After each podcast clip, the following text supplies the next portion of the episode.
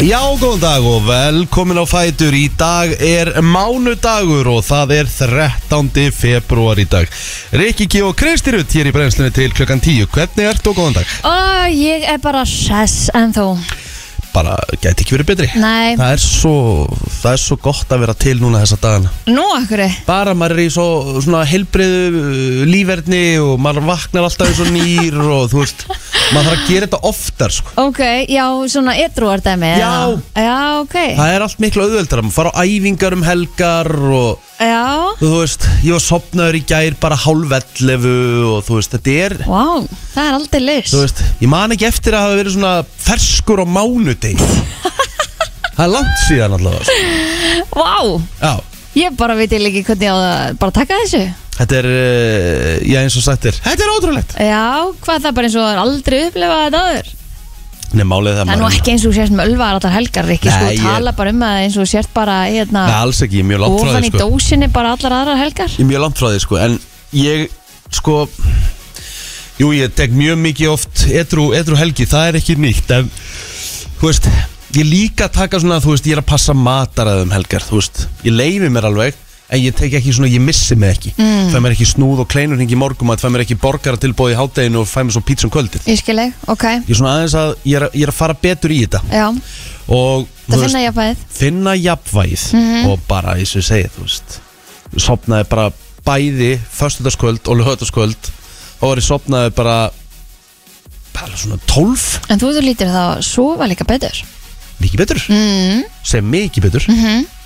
eins og í nótt, ég, ég rankaði ekki einu sinni við mér Ég vakna- Nei. sopnaði bara hálf 11 og vaknaði svo bara ekki fyrir en 6 í morgun Þannig að þú horfður ekki svo ból Nei, Herðu, ég var eitthvað já, í betur gæra bæði og vei, hver vann? eh, Ekki hana uh, Chiefs hana Töpuðu þeir, Nei, þeir unnu þeir unnu Já. Það með Patrick Mahomes uh, vann Já, já Já. Og hann var eitthvað búinn að vera meittur í leiknum og hljó, hljópaðna bara á öðrum fæti og eitthvað svaka hann alveg var maðurinn alveg í Það gær er að horfa á hann hérna Já God um, damn Rihanna, hún alltaf kom fram tók öll sín, uh, alla, alla sína helstu hittara og Mhm. mm. tilkynnti að í leiðinu var rúlett Býtu, er hann ekki með nýfætt bad?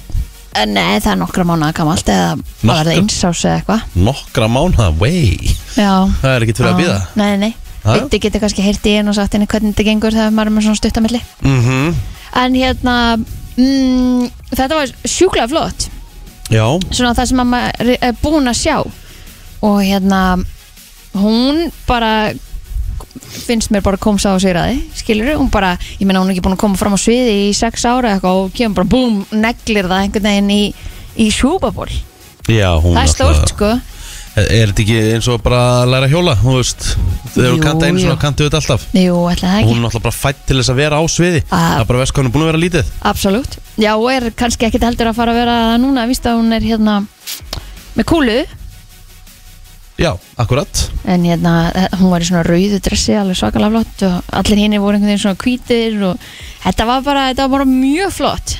En svo var ég í gæri eitthvað að reyna að skilja þessar leikreglur í þessum blessaða leik og þannig að þú eitthvað. varst að horfa Nei, ég var ekkert að horfa, ég bara svona kynnti mér það aðeins áður en það var, af því að ég meina að það voru allir að tala um þetta í gær. En þetta er bara, Mhm.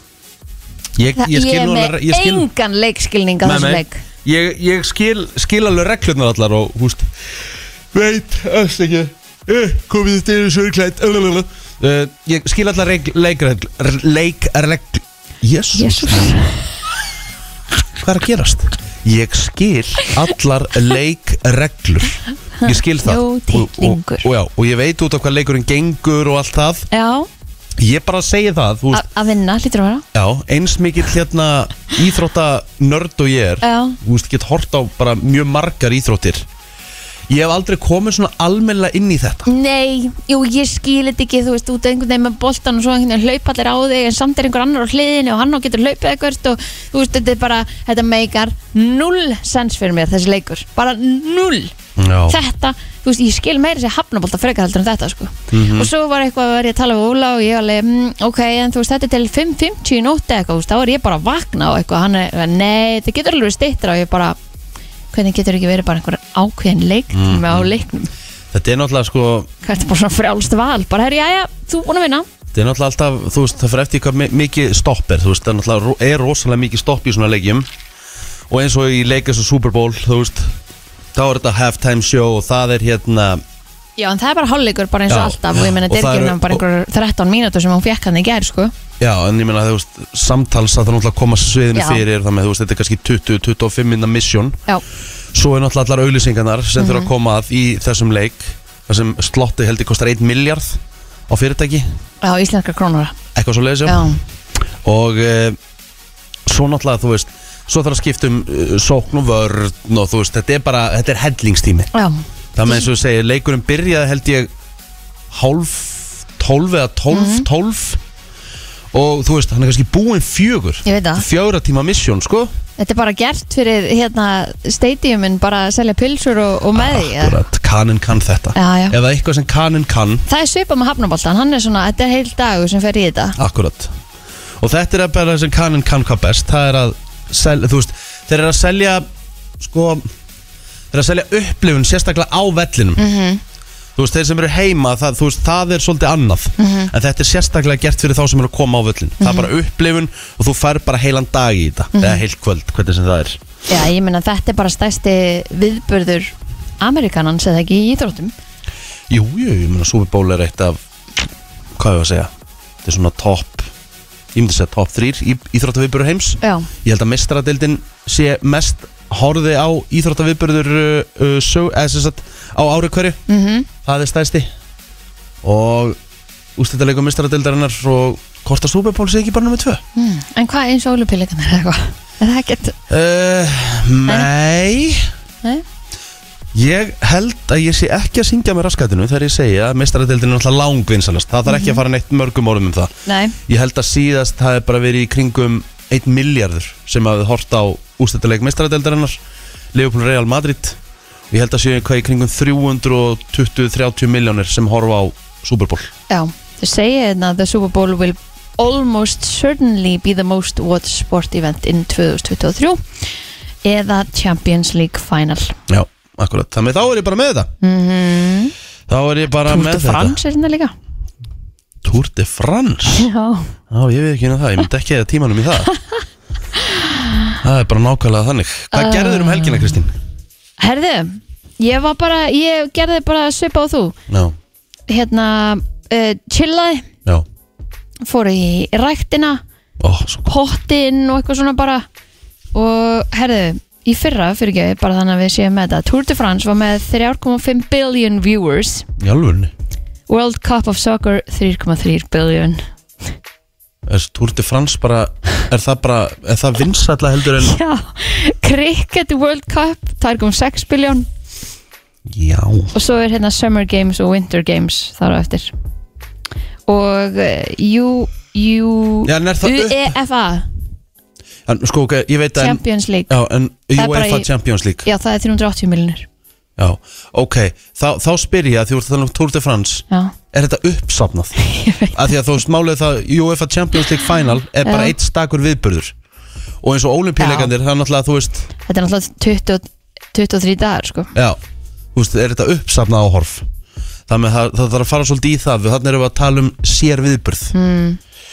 þannig að hérna já, það er eins og það er herri já, ég hérna ég fór í gufu í ger Og það er næ sko Herðu, ég fór klára æfingu, ég var að detta og var bara að drepast í löpunum og svona því ég fór í sturtu Já. og ég hugsaði eitthvað svona, ég var í sturtu sem bara, mm. það, herru, ég ætla bara að fara í guð Já. það var ekkert um að vera klukka bara tíu morgunin og ég fór inn í guðuna og ég var bara næstu í sopnaður ég bara svona náði svo ógeðslega djúbri slökun, Vá, litla núvitundin sem að þú hefur verið í þá vámaður En það ekki með síman nei, nei, nei, nei, nei, Var þetta erfitt? nei, alls ekki ég var, Ok. okay. var aðleitt Já, og ég bara þetta gastu ég bara horfði bara svona upp í loftið lokaði augunum Mhm.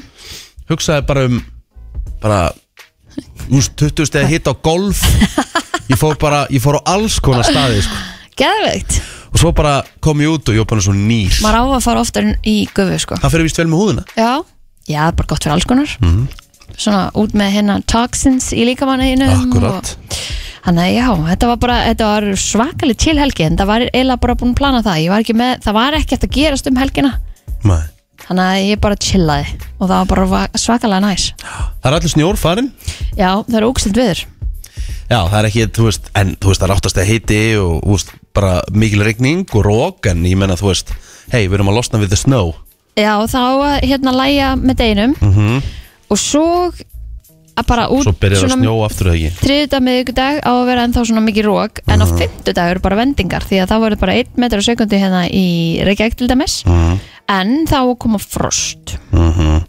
og á að Ég er að vera sjá- um- frostform á lögadag Ég er að sjá einn annað kvöld sko, þú veist, sangat við spáni þú veist, þá að byrja að snjóa annað kvöld, yey það verður farið e, Fymtudagur frost, föstudagur frost en ég meina þegar ég vaknaði í gera morgun og fór út og það var snjór á jörðinni það var farið um hátegi sko Já, já Þú veist, allavega, þú veist, það er engin svona það er ekkert svona heavy snow hérna sé ég Nei.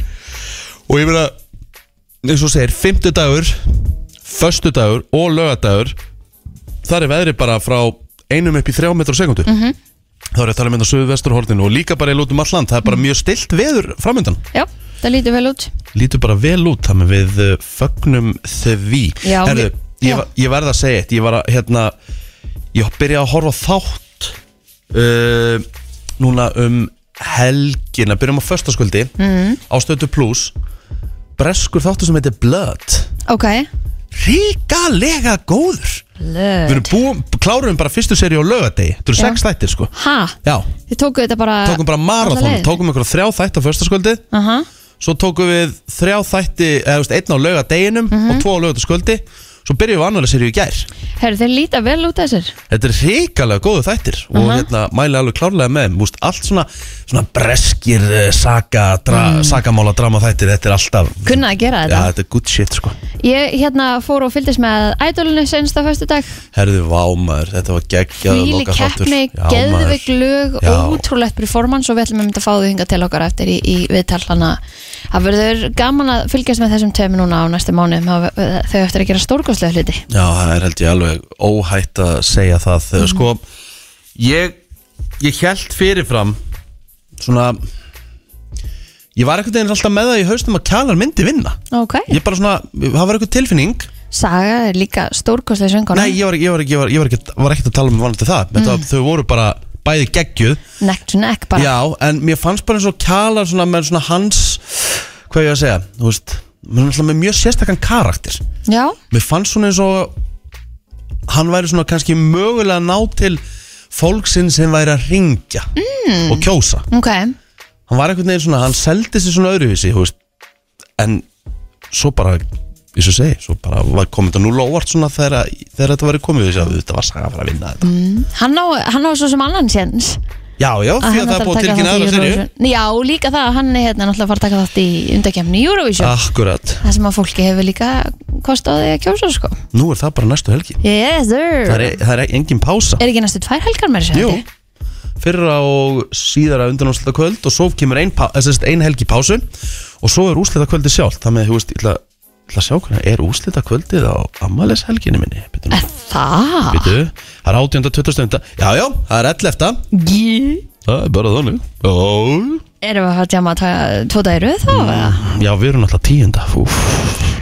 Þetta er bara að bresta á? Þetta er, þetta er, þetta er, þetta er mögulega tvekja, tvekja daga helgi Já, ég veist, ég er alveg til í það Það er langt sem maður hefur tekið dobbul Það er bara flott Skulum fara að koma okkur á stað hér í brennslunni Við erum hér til klukkan 10 Í góðum gýr förum í ammælisbörn og dagbók eftir smá Það er 18. februar í dag Við hér brennstum að það maður kíkja aðeins á afmálspörn dagsins og þú, e, það eru nokkur stór afmálspörn í dag og það er meðal Robbie Williams Já, 49 ára í dag Ég held að hann búi í bandaríkjónum eða ekki Aha. Já, ég held að það mér sé verið að bjóða honum og, og konun hans að vera í The Real Housewives Aha, en þau hafa vist aftakað það já Það hefði verið gaman að sjá hann þar Er þetta mikið að fræðu fólki í þessu?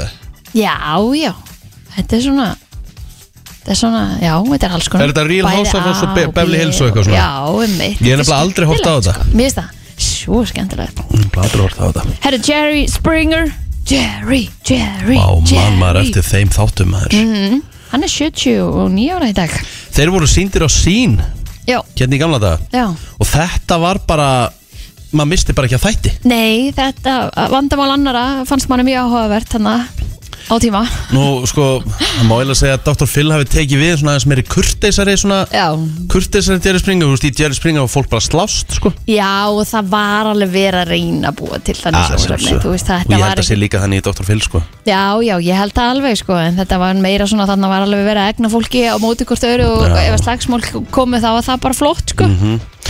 Peter Gabriel eh, er 70 og eh, 30 ára í dag Peter Gabriel eh, var auðvitað í hljómsveitinni Genesis á sínum tíma Ég held að Phil Collins hafi tekið við á honum Já uh, Prince Jackson hann á afmæli í dag, hann er 26 ára en hann er auðvitað sonur Michael Jackson Já, hvað er hann gammal særu? 26 26 ára Mhm. Bara Mhm. þannig Herðu, uh, Stockard Channing uh, á afmæli í dag hún er 79 ára gömul það er ekkert allir að kveikja á nafninu Nei. en hún leik Rizzo í Grease Já Má veit nú hver það er það er hérna sennilega lang stæðsta svona hennar hlutverk hún leik líki í þáttum hérna þáttunum uh, West Wing með hérna Vesturálman Mhm. Já, Mhm.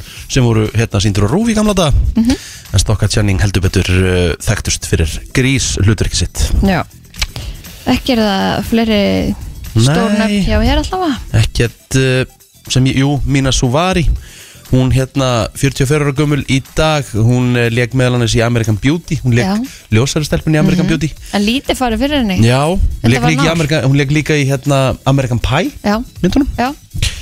en ég er sammálaður, það er svona farið frekar lítið fyrir henni uh, ekki að kíkja á feysanum bara Jú, eh, Hákon Stefánsson frændi minn hann á afmæli í dag og svo er það Arnar Óskarsson, það var upptalið á mínu Facebooki. Hörru, Það er ansi mikið af uh, ammælisbörnum hjá mér í dag. Uh, Ágúst Jensson sem er uh, frangatastjóri uh, golfklúbs Moselsbæjar, mm Mhm. -hmm. skemmtilega golfklúbi.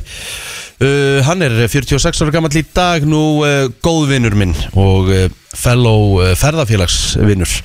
Eyjólfur Þór Jónasson, hann er 50 í dag, kallinn. Stóramæli. Einna, me, svona einna mestu toppmönnum sem ég hef kynst í gegnum lífsleðina Það er bara þannig Anna Helga Gilódóttir, 58 ára gömul í dag Nú, uh, fleiri uh, Gurulinda Pétursdóttir, 31 ás Maggi.net Magnús Már Einarsson 34 ára gammal í dag Þjálfari aftureldingar Stórt. uh, Og kollegi okkar Frettalesari og frettakona Margrét Helga Erlingsdóttir Já. 33 ára gömul í dag Óskum allum þeim sem að eiga afmæli í dag innlega til hamingi með daginn. Mm Mhm. Og bara að fara aðeins í söguna. Það hefur verið svolítið á þessum degi að vetur og olimpíuleikanir hafa verið settir. Eru þeir byrjaði núna eða? Eru þeir búnir? Verða þeir ekki haldnir? Mm, Jú Já, ég Hvernig er veit það ekki landið? meir. Hæ? Nei, eru þeir ekki samt á næsta ári? eru þeir Ég held annars að séu á staðar? næsta ári? Já. Þeir eru á fjárra fristi Ok um, Þetta er mjög svona um, ómerkileg dagur sko Ég er að horfa hérna sko um, Já, ég er alveg samanlega Það er Mhm. ekki mikið Jú, reyndar Bandaríska kvikmyndin Confessions of a Shopaholic Var frumsýnd á þessum degi 2009 Stórt Yay um, Norður Kórea samtitt að loka kjarnorkur rannsóknastöðu sinni um, Eru svolítið fyrir kjarnorkur Það var árið 2007 Já, minnst ólíklegt að þeir hafi slögt á öllu þar sko Það er Ósannlegt lengur þar sem í gangi Eh, reyndar, eh, fyrsta breyðski á Black Sabbath sem eh, var bara samnefnd eða sem sagt hétt eftir hljómsveitinu bara Hljóm, platan heitir Black Sabbath Ok, hún kom út 1970, það var náttúrulega risastór hljómsveit Black Sabbath, aldrei komst ég inn í þessa hljómsveit nei pappi hlustaði svolítið á þetta pappi var svona rockari inn við beinið setna meir var hann diskokall hmm. það er ótrúlegt að fara úr svona rocki og yfir í disko Já, um mitt Og Sko. það er hvað? mjög, mjög spes Og svo fór hann yfir í gömlu dansana bara já, Já, nákvæmlega, akkurat Æ, ég meina, þetta eru alls konar kaplar í okkur lífi Heldur betur uh, Þetta var bara það helsta sem uh, er í dagbók ámála spörnum Já. Fáum frétta yfirleitu okkar eftir smá Frétta yfirlit í brennslunni Já, við ætlum að líta eins í uh, fréttirnar En uh, lauruglan á höfuborgarsæðinu hafi ímsu að snúast Á þessari aðfara nótt mánudags Þrátt fyrir leiðilegt veður Uh, Lauruglan var meðalans köllu út vegna skemda í samegni bílakjallara Og vegna elds í ljósastur Ha? Já, þetta, Ok. kemur, þetta kemur fram í dagbók lauruglu Þar kemur jafnframt eh, fram að aukumar bifriðar Það hefur verið stöðvar, grunar um makstur undir áhrifum fíknefna Þá var hann jafnframt með fíknefni á sér og nokkuð magn fjármuna Maðurinn er grunar um vörslu og sölu fíknefna og var vistar í fangaklefa Þá voru tveir eh, stöðvaðir grunar um makstur undir áhrifum áfengis Það var tilkynnt um ógnandi mann á bensínstöði í miðbænum sem rutti hlutum úr hillum og kastaði smá hlutum í átta starfsmönum en var farinn þegar lauruglu bar aðgarði. Lauruglu barst á tilkynningum æstan mann á stegagangi fjölbýlishús en ekkert fylgir um hvort afskiptið hafi verið höfð af honum. Það var tilkynnt um annan sem gekk út af veitingastað án þess að greiða fyrir veitingarnar. Tilkynnt var um hávaða og umgang frá fyrirtæki Kóbói sem tilkynnanda fannst grunnsamlegt að nætulagi. Háan reyndist eiga sér eðlar skýringar en þar var starfsfólk að horfa á ofur skálina. Lörglu barst einnig tilkynningu um berfættan mann í annarlu ástandi að reyna að húka sér fari í árbæ en fannst ekki þrátt fyrir leit. Hann hefur vantilega komið sér þá bara fyrir í bíla eða eitthvað. Mhm. Mikið hefur gengið á í lofthelgi bandaríkjana undanfarnar daga. Bandaríkja her hefur skotið niður fjóra fljúandi hluti á átta dögum síðan í gær. En að sögn talsmanna hefur svo ekki gerst innan bandarískrar lofthelgi á friðatímum. Fljúandi fyrðurhlutur var skotið niður yfir stöðuvatni í Húrón í gerkvöldi en hann var í mikilli hæð skamt frá landamærum Kanada. En bandarísk yfirvöld hafa verið viðbrastuð undanfarnar daga eftir að kínverskur njósnabelgur flög inn í lofthelgi bandaríkina en kínverar hafa hafnað öllum áskunum um njósnir og myndið nú ekki vera eitthvað aðeins leilir en það að vera með heilan loftbelg einhvers þar. En síðan njósnabelgurinn sveif inn í bandaríska lofthelgi hefur bandaríski flugherin skotið niður fljúandi hluti yfir Kanada og Alaska en varnamálar aðaneyti bandaríkjana hefur líst því yfir að engin augljós ógn hafi stafað að hlutunum en lítið væri um þá vitað og því engu hægt að slá út af borðinu ekki einu sinni að um sé að ræða geimför Forstjóri Skeljungs segir að bensín bensínstöðva gæti klára strax á 50 dag ef að verkfalli oljubílstjóra verður á miðvikudaginn svo virðist allt stefna í Gott sjónarmið. Hann hefur þungar áhyggjur af stöðinni alvarlegt ástand geti skapast á mjög svo örfáum dögum en þókast ekkert í kjaradeilu eblingar og samtaka atvinnulífsins en verkfall oljubílstjóra starfsmanna Beraya hótela og starfsmanna Edition hótelsins eru handan við hornið að öllu óbreyttu hefjast verkvöld á miðugudag en þá gengur ansir hatt á byrðir oljufélagana og Þóruð Guðjónsson er sem sagt forstjóri Skeljungs og hann hefur talsverðar áhyggjur á stöðinni en undirbúningur fyrir verkfalli hefur staðið yfir frá því að atkvæðagreislanum verkfallsbóðunna fór fram Nú er ég með spurninga úr sval Mhm. Ef maður er í einhverju öðru stjættafélagi Já, þá hlýtur þú alveg að mega vinna vinnuna hérna ef þú ert bílstjórið eða þannig ekki nema bara allir bílstjórnir séu hjá Já, hérna ég sagði eflingu það mm -hmm. sem er örgulega bara líklegast sko Já, emmett Það Má hlýtur maður að vera- velja sér stjættafélag? Já, já, já Ok. Get- En þú veist, en það verður að eiga við Það Þú sem þú veist- ert að gera Já, mm, Þú veist, ég held til dæmis að óljubílstjóra get ekki verið í vestlunum hann að félagi Reykjavíkur, sko, að vaffer Já, ok ég, Það geti ekki, Ég- það spyrir ég Frábær spurning samt, já. Já. þetta er mjög góð spurning úr sal og svo getur vel verið að ég sé að syngja með my asshole, sko Ég, ég bara veit það ekki, ég bara, ég bara spyr Ég man, sko, ég var alltaf í vaffer, sko Já, og svo sagði eitthvað um Ekki mig stú eh, í, í veslum Nei, ég var, ég var það náttúrulega Já, já, já, já Emmett var, náttúrulega, var, var það náttúrulega þegar ég byrjaði en svo sagði eftir mig, þú veist, herru, þú ert í hérna þú ert að vinna fjölmiðli, sko þú Mhm. ert- þú ert íþró- þú ert íþróttafréttamaður, þú ert ferð náttúrulega bara í blaðamannafélagið, mm. sem ég segja hann gerði Mhm. Jájá Herðum, ekkert bendi til þess að fólk frá Venezuela komi til Íslands þess að misnota velferðarkerfið í stórum stíl, segir þingona Pirata. Það hryggir hana að menn íti undir fordóma með slíkum málaflutningi en myndamband frá ferðarskrifstofu í Venezuela lofar fólki sem að fer til Íslands öllu fögru. Myndbandið uh, frá ferðarskrifstofunni hefur vakið talsverða aðtegli en í því dásama tvær konur Ísland og þá möguleika sem eru fyrir hendi ef fólk kemur yngað. Meðal annars er talað um háa lámarkslaun, há lámarkslaun og gott bótakerfi. En Birgir Þórensson, þingmaði sjálfstæðisflokksin, segir í samtali við fréttastofu Vísis í gær að það væri reynd ótrúlega bífræfið að ferðarskjöfstofuna auðlýsa mistunutkunn á íslensku velferðarkerfi.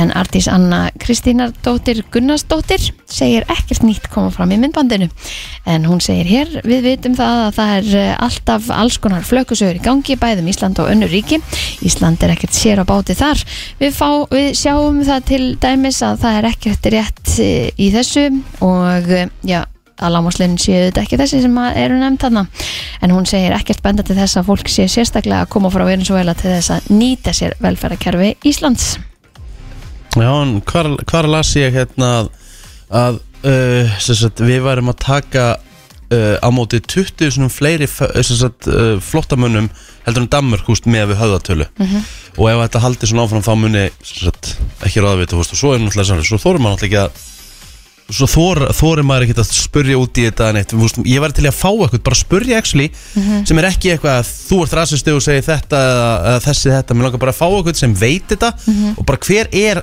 raunverulega staðan, Absolutt, bara eitthvað hlutlausan aðila já, það verður sniðut að því að mér langar actually bara að vita meira Já. þú veist, ég bara vi- veit ekki nógu mikið til þess að tjá mig um þetta Akkurat, það er bara þannig Herri, það verður- Sportið? Já, það verður bóðið upp á tvíhöfða í ítölsku úrvalstildin í fótbolta í dag Hellas Verónas, eh, Hellas Verona og Salern í Tana mæta sklugna 17.30 og svo er það Sampdoria Inter í kjölfarið Game TV á sínum stað Kaurubolta þýstir áhörundur fá líka nóg fyrir peningin það verður ansi áhuga verður leikur í söpvedeldinni Tindastóll Höttur í síkinu á króknum og hann er klukkan 7 og uh, svo fyrir áhuga fólk um handbolta þá reynir nóg um að vera þar en setni bylgjan mun gera upp báðar ólistildinnar hvenna og karlamegin þannig að Sófinn er máli í kvöld Eh, Landsmenn með að regna með sunnan hvassviðri eða stormi í dag og því gott að vera bara inni í sofunum. Rigning verður um sunnan og vestanvert landið en yfirleitt þurrt, og, þurrt norðan til og á austurlandi líka. En í hugleðingu viðfræng segir að hiti verður víða á bylunu 5-10 stig. Það stýttur upp að mestu vestan til undir kvöldið en gular viðvaranir eru í gildi á breyðaferði, vestfyrðum, ströndum og norðurlandi vestra og miðhálundinu í dag. Viðvaranar tóku gildi í nótt og gilda fram til klukkan 16 í dag á breyðaferðasvæðinu til klukkan 17 á vestfjörðum og ströndum til klukkan, 1, eh, nei, til klukkan 21 í kvöld. En viðstofan hefur sumulegis varað við aukinni hættu á krabaflóðum og skriðum í dag og á morgun á sunnan, eh, suðaustur og vestanverðurlandinu vegna úrkomi. En það lægir í nótt eh, suðvestanátt á morgun viða 5 til 13 metrar á sekundu og daldil jél en lengst af þurft norðaustan til kólnar síðan og hiti verður þá 0 til 6 stig. Það er nefnilega það, þetta var eh, yfirleitt frétta fyrir mig dagsins eftir smástund. Þetta er ekki amalegt á mánudegi svona til þess að koma fólki í gang fyrir Nagla. vikuna. Mhm. -hmm. 13. februar í dag og þessi mánu er bara nokkur neina að vera hálnaður. Já, Þetta er búið að vera nokkur, hann er búin að vera nokkur fljótur að líða, februar.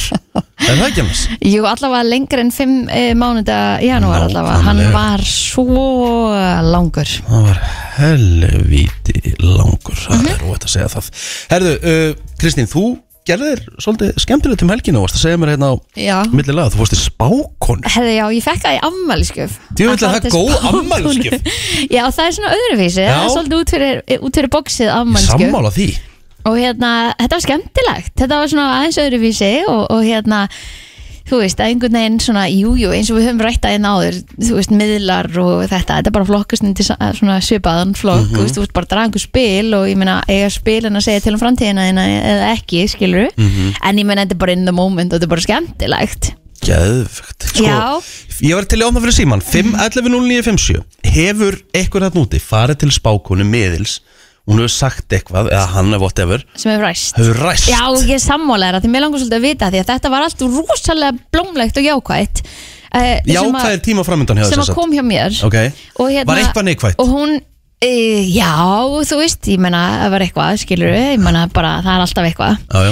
en hún síndi mér alveg eftir að þau voru búin og, og komin út úr fönginu sem að hérna, hún fór í til að koma og, og lesa mín spil -hmm. að, hérna, að þau þau voru svolítið jákvæð og þá sá hún samt hérna sjáðu, það er alveg fullt af Já, neikvæðum já, já, spilum já, Mm. líka þannig að það var ekki eins og að það hafi bara verið jákvæð sko. Nákvæmlega uh, FM, góðan dag Þetta var ég sko, en ég hef mjög mikið að segja.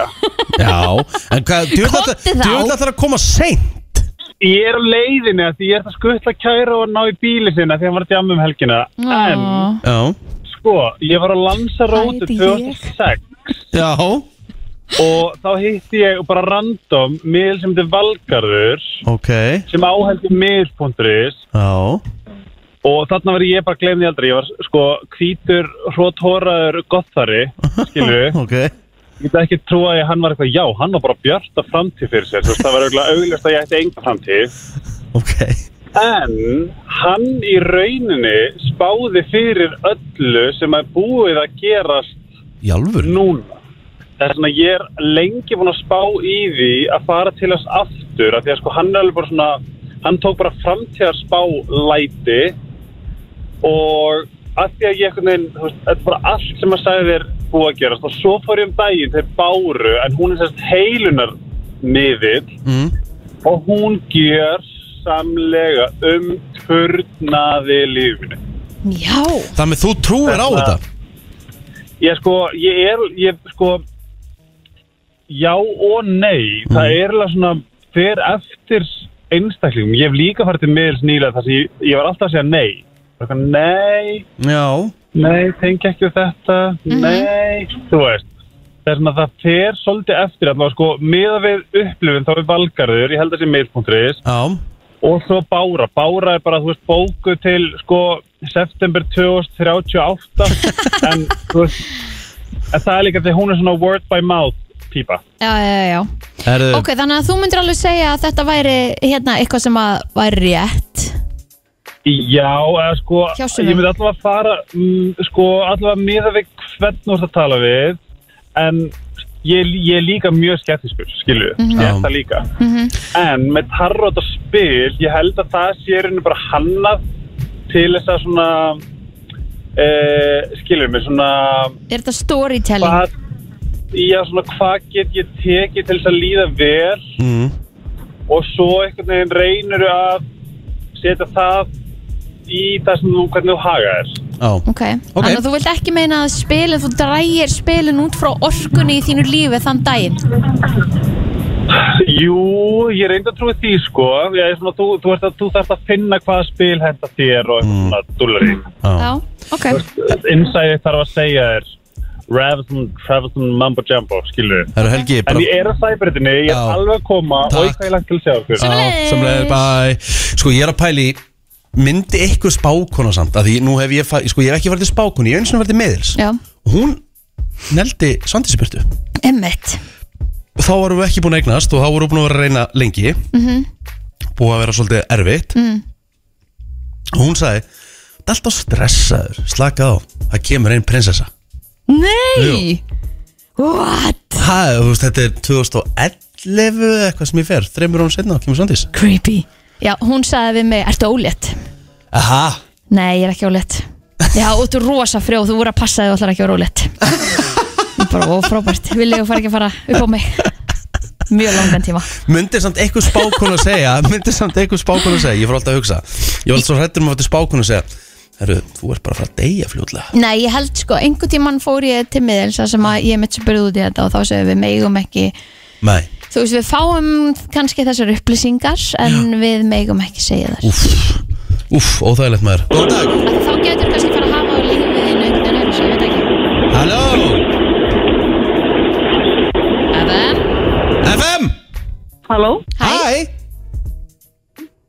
hvað segiru? ah, alrighty Ok, ah, gaman að þessu já, Já, ég held það ég held að það sé nefnilega ekki að því að þá getur kannski farið bara á eitt öllum peningunum eða farið og Mm. sagt öllum að fóka sér eða farið og, þú veist, og svo kannski er þetta eftir sjö ár eða eitthvað, er skilur þetta mig 20 ár Já, FM, góðan dag, Já, góðan daginn. daginn Uh, herri, ég fór fyrir rosalega mörgum árum, ætla að hafa ekki verið kannski 2009, 10 eða eitthvað. Já, Og hún sagði mér helling ok, og þú veist það, hún sagði mér svo mikið og svo mikið að ég varð það.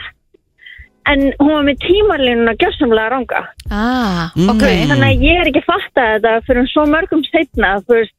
Hún spáði að ég myndi eignast stelpu, ég eignaði stelpu andanum, hún og mér sem held að ég væri líka ofrísk Já, og ég var ekki ofrísk fyrir 2013. ok og svo spáðum við að ég myndi fara af heimilinu frá manninu mínum með stelpuna meðanótt í lauruglufeld Ó, og það gerðist hei að ég sé ekki fyrir 2019 en það gerðist Ok, wow og uh, hún spáði líka að stjúpöf minn og dóttir mín þú veist ég og stjúpöf minn áttum ekki droslega gott samband okkur að þarna Nei, út af fyrirhandi mannum mínum ok En uh, hún spáði að þessi dóttur minn og stjúpa minn myndu vera bara bestu vinnur og að hann bara dýrkar hana og það er bara satt. hann er alltaf að gera eitthvað fyrir hana og þau eru Vá. gekkóðu vinnir og þú veist, það var svo mikið svona sem að ég sá ekki fyrir bara mörgum árum setna út af því að tímalíðan hjá hann var bara Einmitt. ekki rétt. Já, En- þú en- varst í rauninni ekkert að pæla í þessu af því að ég mitt Nei. já, já, já. Og hún, Ég, þú þekkt, veist, út hún, af því- Eh, þekkt, hún þekkti þið ekkert eða neitt, þú veist, þú hittir En, hennar nei, það eina var bara að sýsti mín hafði einhvern tímann farið til hennar þú veist, Já. og, og eitthvað svoleiðis en þú veist, vitandi þú veist, já, þetta var ekkert sem að höfðu bara giskað á, skilur Aha. og, ég, Nákvæmlega þur- og það eina sem ég gerði, þú veist, það var engin spil og, þú veist, ég drakk kaffibólla og ég drakk ekki kaffi og að þurfa að drakka svart kaffi þetta var svo mikið kvöð já, það var semst í svona bolla meira sér að segja já, Spá. já og Ok, mann en til eins og ég tíma segi, þú veist, þetta var geggjað og að þú veist, líta aftur og ég skrifaði þetta einhvern tímann allt niður bara um leið að ég var þú veist, komin frá hana og skrifaði þetta allt niður ég er löngu búin að týna þessu blaði en ég man ennþá þú veist, svona flest sem hún sagði og það er einmitt þú veist, bara geggjað að horfa aftur og sjá hversu mikið af þessu actually var satt Herru, bara kæra þakki Vá. fyrir að ringja og bara gangi þér allt í hæn Emmett, já, takk sem Bye-bye. leið þetta er Já, magna Já, það er alveg spákonunar eða, þú veist, er, er engin spámenn? Jú, var ekki hann að Jú, alveg rétt, já, Einmitt, Valgarður, já Valgarður og já. Þóralli miðill Þannig að voru ekki, voru ekki sjónvastættir Mér að segja, einhvern tímann á Já, hann var Stöð 2. alltaf, já, takk, takk, takk, takk Já. Já, Er einhver kom- hérna sem þekki Jón Alveg Bara- algengt Já, þannig ég, að veit- ég, veit- ég veit hver Jón er Já, takk, takk, takk allir- Stundum líka lær maður að laga þessu Og svo er stundu sem komur svona moment eins og þetta Sem maður bara, vá Nákvæmlega Góðan dag, hvað segir þú? Já, góðan daginn. Hæ. Uh, ég hef sem sagt sögu frá mömmu minni, Já Mm. þar sem að sem sagt 1980 eitthvað, Mhm. að þá fer hún til miðils og áður en hún fer að þá lítur hún í speil og bara nei, heyrði, ég get ekki farið í þessari grænu peysu og fyrir bláa peysu. Mhm. Og síðan fer hún til miðilsins og konan tekur í hendinu bara, nei, græna peysan fór þér líka rosalega. vel." Oh my god Uh, Ertu ekki að grínast nei. oh, God damn Illa óþægilegt En Já, þarna hún fær trúði maður öllu sem að gekk. Já, ég Hún skil trúði það öllu mjög. sem hún sagði, sko. Já, þegar- þegar hún neglir grænu peysuna þá eðlilega trúur öllu sem hún segir eftir á, sko Já, algjörlega. Herru, já, þarna ég snúi við á punktinum Herru, Einmitt. leitar En hérna, það sem að kom fram hjá þessari konu eh, Rættist úr því? Uh, já, Jæks það er, hún, hún spáði fyrir pappa, eða þau mynd, pappi minn myndi hitta mömmu mína og hvar það væri og, og þú veist, Ó, allt svo leiðis, þannig að Ah. en gaman mjög krútlegt sko. Já, skemmtilegt Herru, takk hérlega fyrir þetta Bye. Græna peysan, Úf, betri Uh, ég úf fekk svona gæsa hún Já, góðan dag Já, góðan daginn. Halló Ég ætla að segja ykkur frá hérna, ég fór til miður núna fyrir um mánuði síðan Já, Ú, spennó og hann sagði við mig að ég myndi fróa mér um helgina og það er rættir. frábært og bara var það ekki alveg geggjaða Já, já Það er skemmtilegt svona Já, húmuristar já, Þetta já, er já. gaman Miðli minn gerði það reyndar ekki En hún sagði ég myndi gera það í, í cup Já, ég er mitt Sem ég gerði síðan Já. Það rættist Æ, Herru, höldum að fram með brennsluna til klukkan 10 yes. Er uh, mættur til okkar og rúmlega það Það Öllu er- sínu veldi. má- Þrísvar Já, það má segja að uh, hann sé mættur þrísvar Það er herðu bara- Valentínsadagurinn er á morgun Já Eru þið búin að pæla eitthvað eins í þessu? Nú Nei erum Mm, ég- við öll með maka hérna henninni Já, Mm. ég hef, uh, ég og uh, magi minn, Já. við höfum aldrei haldið upp á valentínusaldaginn Nei, ég er meiri svona bóndadagur, konundagur Já, Akkurat þannig, ég af því að líka. konundagurinn er síðan næsta sunnudag Já, nefnilega Konu. Já, Já, ég þarf þetta að hafa ágjur á honum. Nei, það bóndadagur var um daginn Ó, Já, og vissi semst ekki að því fór það fram hjá ykkur betur í dag eða næsta mandag Hann er búinn Hann er búinn sko Hann er búinn Já, jú, jú, ég voru með eitthvað svona að því að sko máli er, við, við erum báðar að vinna svo mikið Já, og erum alltaf svona gett að svona gett að nýta að vera saman Mhm. það er svona við eitthvað svona, ok, getum við sleftið að vera eitthvað svona búið til plön og bara Vera bara saman já, en þú veist, ég er alveg til, við gerðum smá, þú veist smá forskot á valentísu, getum okkur, þú veist sushi, vorum Mhm. mm -hmm. chilla eitthvað svona gett næst fóruð að fengi okkur ís á seltinnissi á Seltjarnarnesi þetta er langt besta ísbúðin Ég veit það Hún er ég er beint fyrir þetta alltaf heima næs, mér finnst ég alltaf fákslega hættulegt mikið eitthvað, ó, ég elska hana Bara huppa eða geitin í leiknum og meira þess að stelpa sem afgriðum í gær Já, skrifaði til mér, ég þarf alveg að gefa henni sjátt hún heitir að þú hafi verið þá á seltinnissi en ekki í grandanum Hún heitir Unnurbyrta og hún Unnur bara fær Birta. feitt sjátat frá mér af því að hún var æfi Já, ég er bara Geggjað. frábært fólk sem vinnur hana, ég er alveg sammála því Já. En ég er nefnilega, ég er nýbúin að uppgöta gamla ís, eh, nei, nýja ísin Nýja ísinn, ísinn. Sem er ok svona, mm, mér Meiri fannst hann- rjómakjöndur einhvern veginn, er það ekki? Ó, ég meinti gamla mm. Já Já, mér fannst, hann, mér fannst það fyrst algjör viðbjöð sko. Ég er bara hvað, þetta er, þetta er krab Þú veist, fannst það Ah, Það hæðilegt er miklu En betur þetta er voða gott Mm. Já, nefnilega að því að sko þú borðar ekki að því að maður sé fólk með svona dunga Mhm. -hmm. og bara eitthvað hvernig fjandanum ætlar að koma svona í þú veist en ég var alltaf með rjómaís en ég gat alltaf lí, þú veist, halvan lítinn en Já. þú borðar ekki svo mikið rjómaís Aha, en með gamla þá, þá getur þú bara torkað þetta þetta er svo gott Hvað fegstu þér í bræðarefin? Uh, ég er svo óákveðin að ég fæ mér alltaf 50-50 öllu þess að ég fæ mér 6 misunandi Ó, vá Þess að massþristur jarðabær Nóa kropp uh, Peipafittur lakrís Og svo fekk ég mér lindar Þú veist, hei, þú veist meiri jarðabær Og svo fæ ég hennar til að setja hockeypulver yfir mm. Nice ah, Herru, þú fegst ráð hjá okkur um daginn mm Mhm. Fórst og fegst þér það sem að við báðum þeim að setja það Eða fórstu ekkert og fékkst þér ís? Eh, Ég fór og fekk mér ís, jú En ég fekk mér bara Toblerone Já, Sem sagt- finnst það en- ekki gott? Ég Ógeðslega gott veit það Þú ert líka Toblerone og í bræðari, vá Þú ert að prófa það líka, Ok. næst Kurli eða Og venjulega? hlauperlur Það, Já, rosa það var gott svo harð Nei, Nei, þær verða það nefnilega nefnilega verða ekki harðar. En snuttunan verða harðar Þú ætlar ekki að fá það Já. þannig Þú ætlar að fá hlauperlur Ertu ekki í gríninu? Nei Þú getur fara aftur á hupu Seltjarnanesi Ég er ágæslega til í Já, það. sko ég hélt þetta ætlaði að væri leiðri þetta granda. eftir fyrsta stóri Ég, nei, læti þetta slæta Svo kom Ah. þetta aftur og ég bara hm, Nei, nú get ég ekki látið Ég þetta slæta hugsa að þessi lína er bara grandi Nei, fyrir mér Eh, nei, nei, nei, nei, Og ég held að nei. grandi væri á seltjarnesi Seltjarnanes og svo kemur Reykjavík eða þú Ah. veist, Vesturbærin þú veist, það er 107, 170 alls Hm. ekki að sama Ok, ég, en já, ég er svo mikið smábæði út og hvað sem er Já, þetta er þér, var þér alveg fyrirgefið sko ég minna að þú ert utan á landi og svona þetta er alltaf leið Þú ert nefnilega utan á landi, Helgi Já, Það en, gleymist. en mikill borgarstrákur mm yfir svona yfir höfuð Mhm. Já, En þú já, ert að ég- læra Já, ég- mér vant, það vantast að finna En þú ert eh, alltaf velkomin á Mm. smábæ. Seltjarnanesi Ó, ég elska seltjarnesi Svolítið langt samt Nei, nei, En voða gaman að, að keiri pollana já En hérna Já, ég verði til í, mér vantar sko svona eitthvað svona trendi nýjan smábæ Ég verði til í að búið til nýjan smábæ svona rétt við Reykjavík Ok, Kannski inn í hrauninu eða eitthvað já Eitthvað svo leiðis Mm. Eða við sjóin Þannig að sjóin, Fascinating þú veist, að gera eitthvað svona geðveitt cool architecture, service and travels og gera lítið krútlegt bæfélag og Mm. maður þarf að sækjum fyrir að vera þetta af því maður þarf rókslega góð manneskja ekki koma ógeð ljóta fólki en þú lítur rosalega vel út í dag Takk Ertu búin Ég að vera svo held að duglegur? útlitt var ekki saman Ég er búin að vera mjög duglegur eða? Nei, bara gott fólk Fyrir viðtal Ég er búin að vera mjög duglegur, Helgi minn Það Og- sést á þér Já, takk finnur, ég er eh, búin að vera etru síðan 27. janúar þá ekki fengið með bjórsopa og þegar maður eh, tekur svona etru tíma þá bara slettist maður í andlitinu Án og gríns. verður bara mikið ferskari Veistu, ég veit að þú ert búin að duglega að æfa líka en Mhm. ég sé alveg sko sjúklega mikið munaður mm Mhm. -hmm. Eh, talandi um að sléttast í framann Ú, botox Nei, Ó. ég setti inn í stóri hjá mér í gær á Instagram Svona spurningaboks Já. Það sem ég sagði bara, hérna, ég var að leita mér að facial Emmi. sem sagt að mér langaði að fara Sem sagt, í eitthvað já, andlitsbað snyrtistofu. á einhver snirtistofu Já, og ég já. held að þetta væri bara algjörlega ofjus að það væri það sem ég væri að leita mér að Ok. Ég fekk fleiri, Botox nei, Já.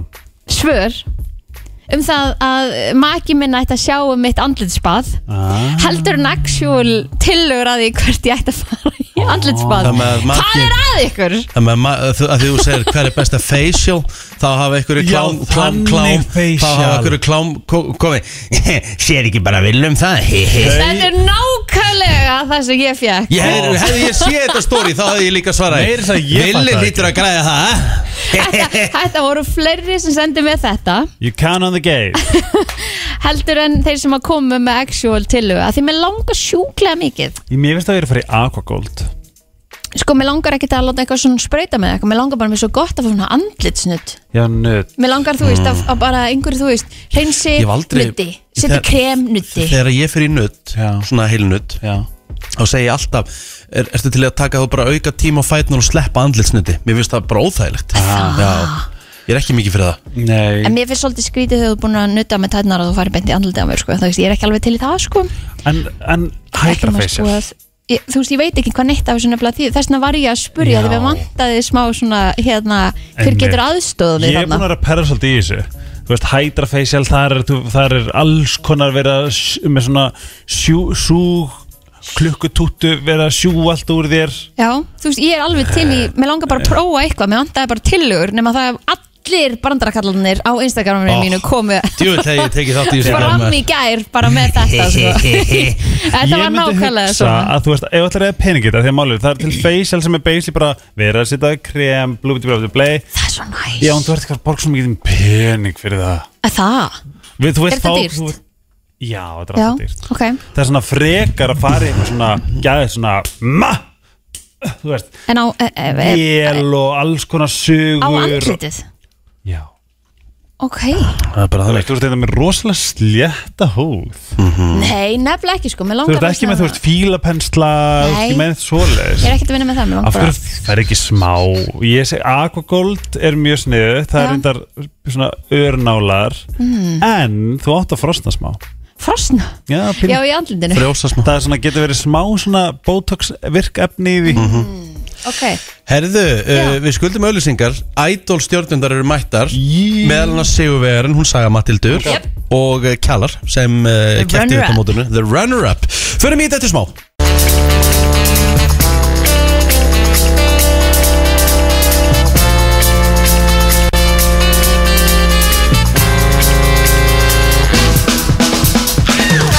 Brennslan Björn og brósandi og uh, ég ætla nú bara að taka þetta, þetta stef út og ég ætla að fara í allt annað stef Ó, ég elsk þetta stef yes.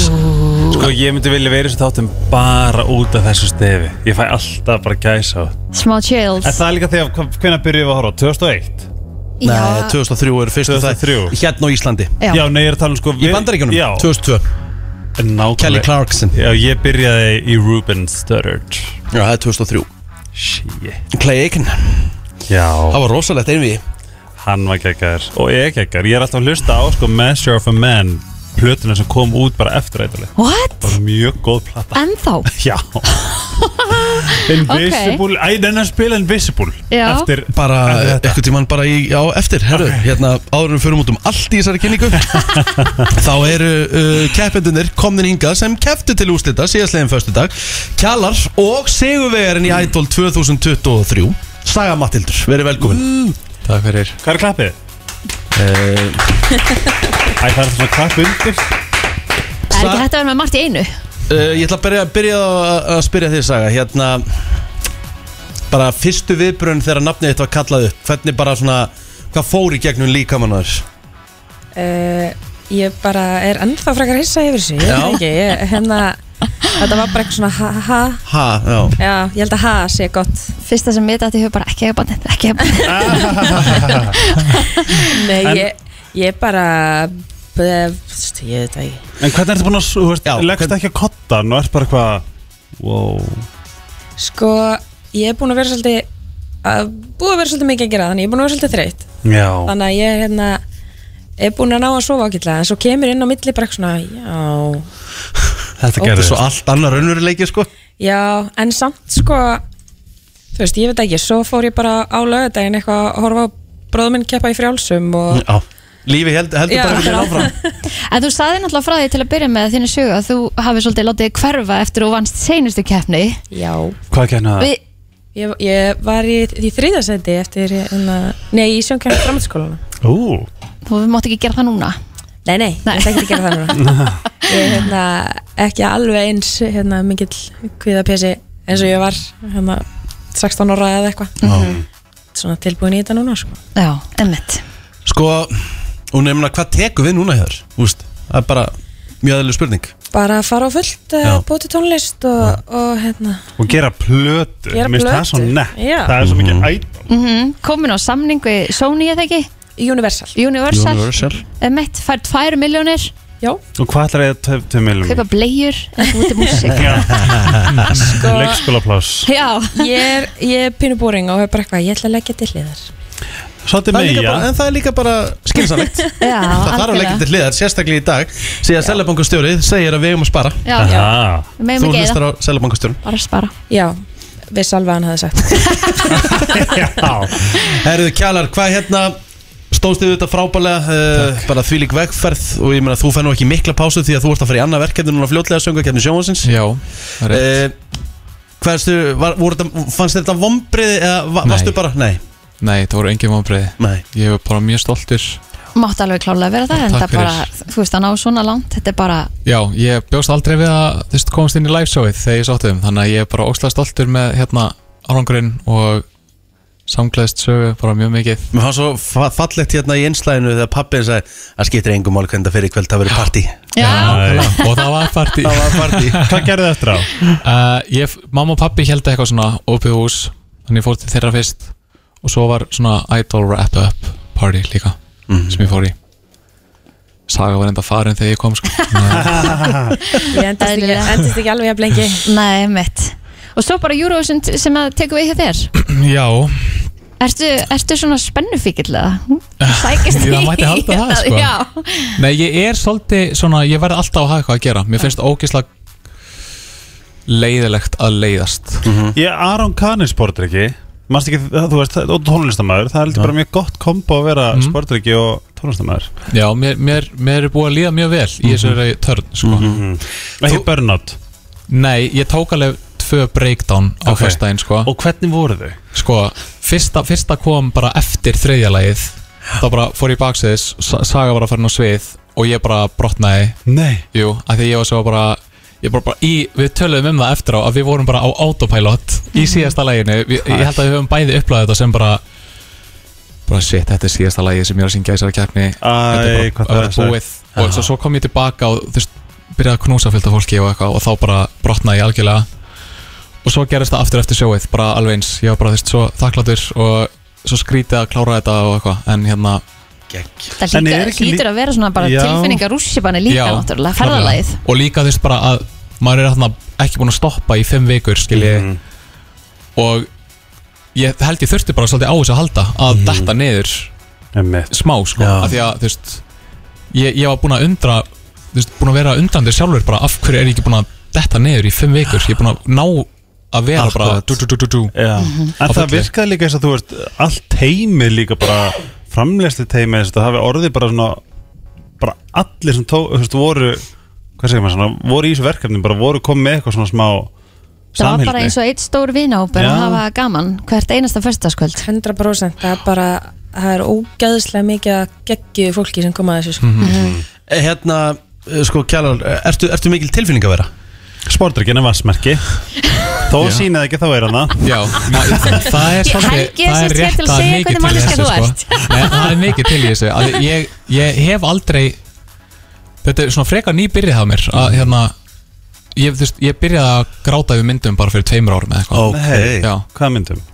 uh, ég byrjaði á því að hérna, hágráta yfir hérna, Office ég var að horfa á Office í þriðja skipti Þú Randó. veist, í þriðja skipti þannig ég horfði á það tvisasun máður og bara svo allt í hennu í þriðja skipti þá var ég bara ógeðslega emotionally invested og var bara hágrátandi bara í næstu í hverjum einasta þætti sko. hvað mótur eru þið? Já ég er 99 Ég er 98 Mm. En hvað, svona takið þau út úr þessu, hvað ætlaði að taka með ykkur úr þessu ferðalagi? Byrja þér bara að segja uh, Ég hérna, náttúrulega bara fyrsta lagi veit hvaða fólki ég er til ég að vinna með og svo bara þú veist, ma- við lærum náttúrulega ógislega mikið bara hvernig hérna svona sjó er haldið og, og bara, já þetta er bara búið að vera geðveikt sko og svona njóta þú veist, ég lærði sjúklega mikið í suðisframkomu og hérna að njóta þess að vera á suði, ég ætla að taka það helst svona Já, kekja. Geggjað. Algjörlega geggjað Herðu- Kjalar? Kjalar já, ég hérna tek undir, það er svona, ég er búin að læra ógeðslega mikið varandi að koma fram á sviði og líka bara uh, svona kannski að helsta sem ég tek með er bara að ég get miklu meira heldur en ég hef trú á sjálfur mér hver er uppástámarinn ykkar og minnst uppástámarinn ykkar? sko Þau eru búin að dæma ykkur, þannig að þau eru núna að dæma, sko. Já, þau eru búin Þið eru ekkert að fara aftur í ædol Nei, er eitthvað sem Það að- er fyrir- eitthvað- erfitt fyrir mig að svara er þessu, sko. eitthvað aggression í ykkur sem við viljið koma koma út? það þetta, sko, hérna, herra sagði náttúrulega nei við mig í fyrstu fröðinni Þannig að, fuck you, herra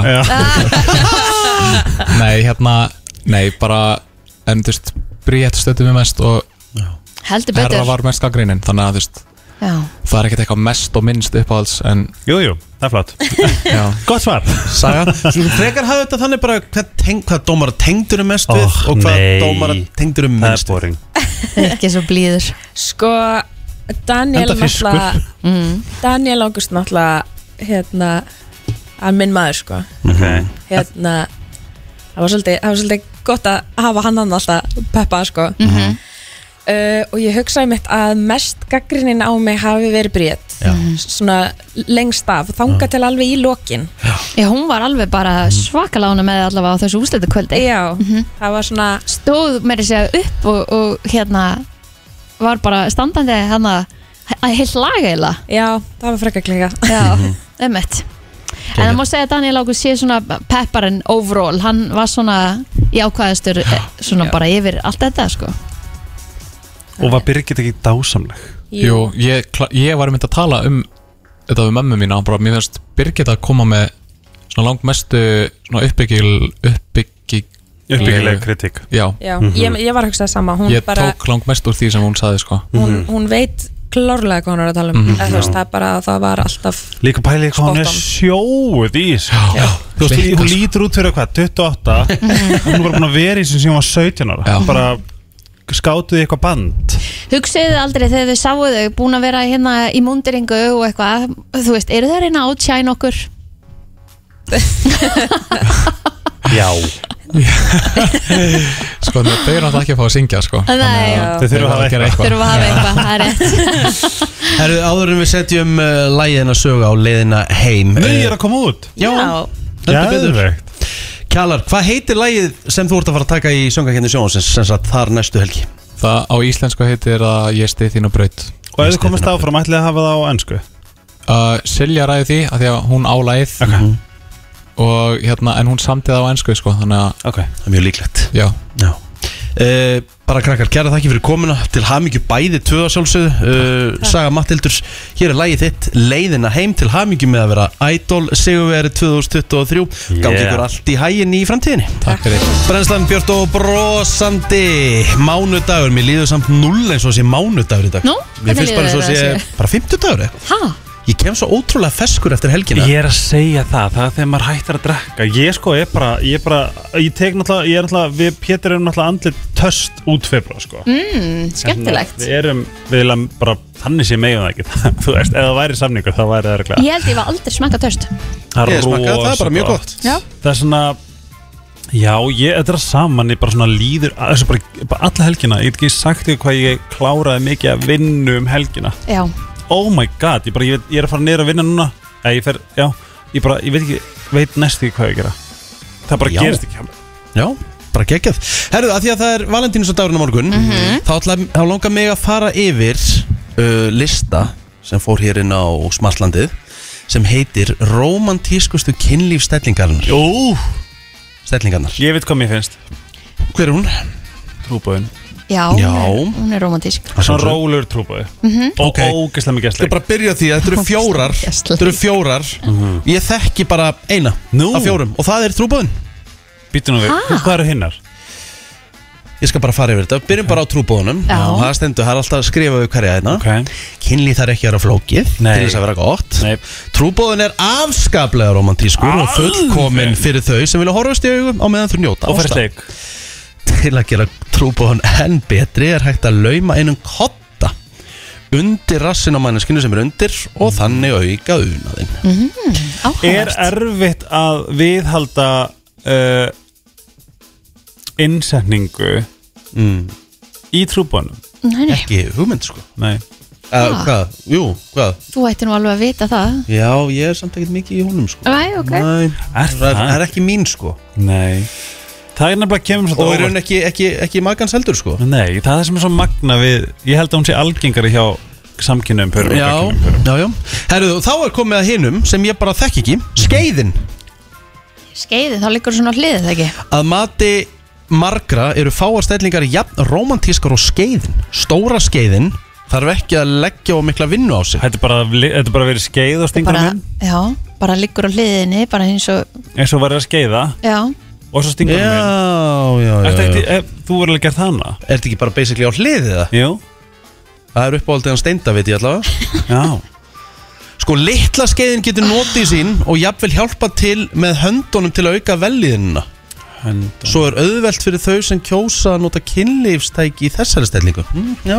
já þetta er skeiðin Já, Já, ég er ekki alveg, ekki alveg hérna já Já, veist samt alveg hvað skeiðin er Já, núna, sko Já. En þú veist, það er þetta bara bæði vera skeið, þú veist, í sikkur áttina væntalega Í- já, já. Sitt hvar áttuna en þa- þetta Það væri veist, andlit í andlit og Já, en getur þú sett hann inn Getur þú, já, Ég, já já, já að Það þetta getur lítur það að vera Herru, vá, aftan akkur er frá. allt í hennum farið að vera svona óþægilegt Er Það, þetta var hann að sveitna Nei, nei, herru, höldum áfram hjartað Hjart Er uh, mjög romantísk uh, stelling líka Við erum að tala um uh, romantískustu stellingarnar fyrir valentínsdaginn Já, Mhm.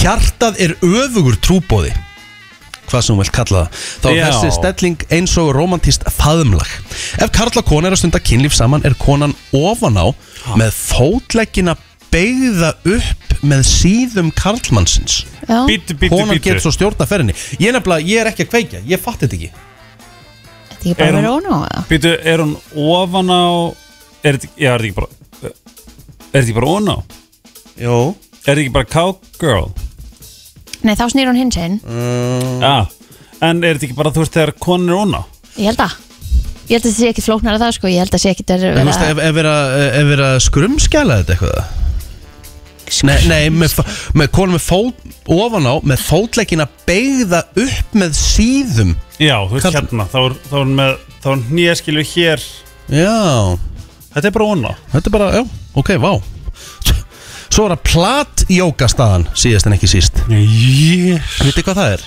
Nei Eftir, Jú, ég veit, er þetta þegar, maður sit, þegar hún situr hana? Bittu, Hvað var það, var það ekki annað á var, var það hana? ekki bara það sem ég var að Þarna tala um? hjarta. Nei, ég meina sko, þú veist, þá situr hún, þú veist, með fætunar hér og hann hér Nei, Sitja það við Þetta er bæði? orðið rúslega flókið Já, Já. sitja bæði Ok, Ok, uh, platjókastaðan eða þið fara á romantístefnum út um kvöldið og getið á okkur gat Ú. þá er þessi staða fyrir ykkur Nú, Er að karl og kona stunda kynlíf saman þá krýpur karlmaðurinn á hnjánum og konan liggur fyrir framann hann Hmm. Ok. síðan tegir hún fætur sínar upp í loft og hann heldur í gætur hennar hvað er gætur? er þetta ekki bara einhver stafsning vel að Í fætur, Fætur. hennar Já, Jesus Þannig virðast allir mjög liður á ferskir Svo mægin fær smá frið Eftir já, er romantíska þetta þá bara kvöldverðin Er þetta ekki bara Er hún á bakinu, segir Já, örgulega Og þá liftur hún sér Já, ég veit Þetta er hljó- hvort hljómar þetta hljómar alveg frekar elvitt fyrir Kallmann eða ekki sé- Og hana, hún þarf að nota magan Já, Mér finnst þetta bara að vera hellings er Bara alvöru vinna, sko áhugavert Ertu bara alltaf í doggi? Nei, alls ekki, Þegar- sko Ok, hvað er nummið tvö hjá þér? Hmm. Hvað er svona tvö, staða nummið tvö sem þú, sem þú velur Ef doggi er ekki, hún er ekki doggi Herru, við erum að fara að ræða fjármál hér til smástund Björn Berg ætlar að útskýra fyrir okkur verðbólguna á mannamáli Já, takk Herri, já, Við- við og vorum- taland um það Já, Svona rétt á honum förum inn í þessa kynningu sem er hér að því við erum að vinna að fara út um allt Reykjanesbrautin er lokuð í báðaráttir nú Ah. vegna umferðaslis á einbreðakablanum sunnan með alverið Æ, æ, æ. Umferð er stýrt um krísuvíkuveg á meðan að vegurinn er lokaður Þú veitum við það, eh, við vorum að tala um Idol Svo fórum við í, í kynningstællingur á valentínusadegi Nú erum við að fara að ræða fjármál Til í það e, Sko, eins og flesti vita þá er náttúrulega er, er verðbólga hér á Íslandi Mhm. Ef eitthvað þekki það þá er það ég Með mitt óvertriða íbúðalán eh, ekki með fasta vexti Já, Eh, þú veist, ég hugsaði á ég að festa vextina Eh, nei, þeir ljóta að fara neðar það er Mm. bara góðari núna sko Nei, heldur betur ekki e, Við erum komið meðan Björn Berg Gunnarsson sem hefur nú komið hérna áður Eh, Mhm. Hann er deildastur í greiningar hjá Íslandsbanku og hann ætlar aðeins að reyna að útskýra verðbólguna á mannamáli eins og hann gerir, gerir frábælega þegar hann kemur undan Vertu velkomin Björn Takk fyrir það, komum sjöfur Sko, mér langar svolítið að byrja að spyrja að því að hérna, það var náttúrulega viðtalinn í seinustu viku við Selmókastjóra þar sem hann segir að við eigum bara að spara Já.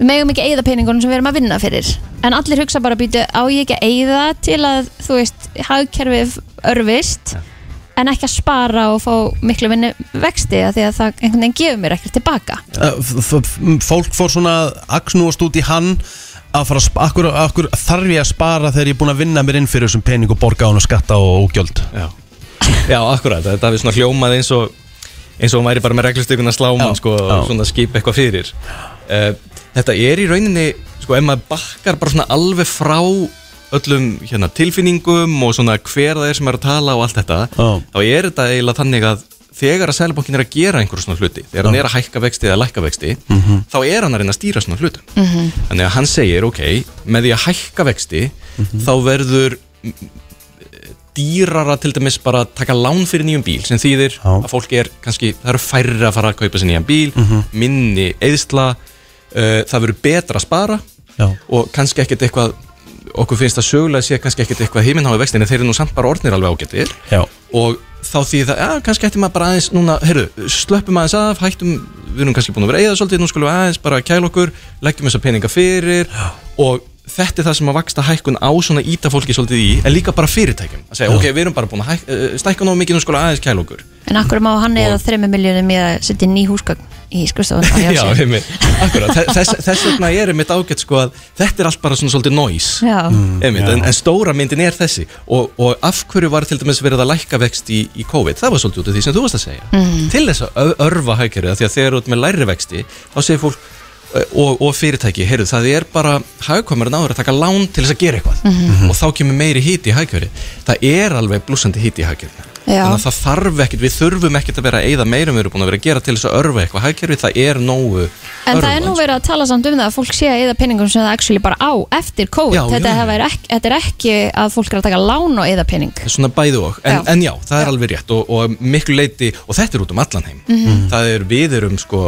oft höfum við einhvern veginn verið sko svarti söðurinn sko í Mhm. verðbólkufjölskyldinu en það er ekki þannig núna, nú eru bara öll lönd einhvern veginn að glíma við þetta og það er mikið út af þessu, það voru bara miklu peninga til sem fólk hefði geimt í COVID Ég meina spurningu Hversu stóran þátt spilar Ég með tvær spurningar s- Bara svona almenn spilling Inn í allt þetta Og ef að, ef að þeir sem að sætu ekki í Þeim stöðum sem er sitt í núna Og það myndi koma bara Annað fólk Myndi þetta breytast Þú veist, erum við að tala um, eru, eru fólkinn sem sita í þessum valdastöðum, eru þeir vandamálið eða er vandamálið að koma að utan?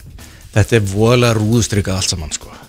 það, það, það, Þetta er uh, fólk sem er búið að læra þessi fræði sem að eru að En eru ákveða þau spillt? þessa hluti. Það er, er maður enga ástæðilegs ætlaðilega því að þetta, þú Þetta er sér ekki engan bara mun á hér. því hverjir eru það er verið að skipta reglu út, það er einn af þeim sem er búin að vera ák- ákveða vextin núna undanförnum árum hann var að gera hann í síðasta skipti síðast Mhm. og það kemur einhver nýr aðili inn það er ekkert að fara að breyta neinu, það er svona pínulítill blæbreiða munur, af því að þetta er náttúrulega alltaf ákvörðun sem fólk tekur Mhm. en það er voðalega lítill munur út um allan heim Mhm. varandi þessa hluti þetta eru bara einhver svona fræði sem fólk er að fara eftir og Sko, en, en hérna, til þess að útskýra þetta eins og bara fólk núna sem er bara svona pæli þú veist, bara fólk sem er kannski búið að sapna sér í einhver útborgun Já.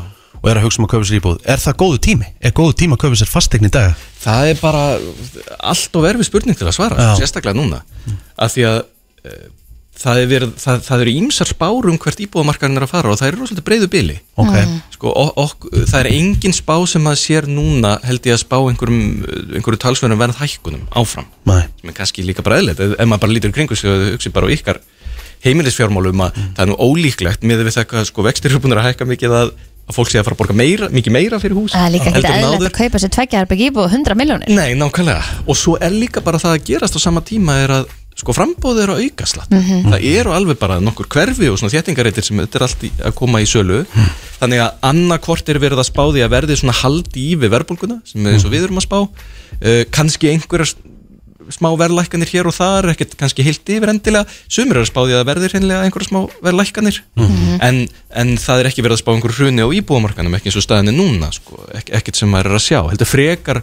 frekar að orða þannig svona svolítið að partíð á íbúðamarkanum sé búið í byli Mm. þessar miklu hækkanir Ég verð að vikna, ég nefnilega er pínu svona hmm, þú veist, snýst þetta í alvöru um okkur fólki sem eru skiluru eða snýst þetta um þetta, þessa, þessa hásettu eh, ríku aðila sem vilja bara meiri pening Þú veist, ég, ég kemst ekki hjá því en að vera bara svona hvað snýst þetta í raunverum skiluru, um, ef, að- ef Ég að held væri- þetta sé á persónlegt fyrir þig, sko Nei, ég held ekki Nei. Af því ég held sko, þú veist, Að þetta er ekki bara að gerast hér, það er, það er bras út um allan heim. Já, það sem ég spá, er, er, er raunsætt að vera ekki með þú veist, að, að, að hlutnir væru góðir fyrir okkur Já, einmitt að, sko, það- við Sko, þetta var góð spurning þetta, var nefnilega- eh, þetta, var mjög, þetta er mjög góð spurning vegna þess að það sem að gerðist í ri- byrjaði að gerast rétt fyrir COVID Já.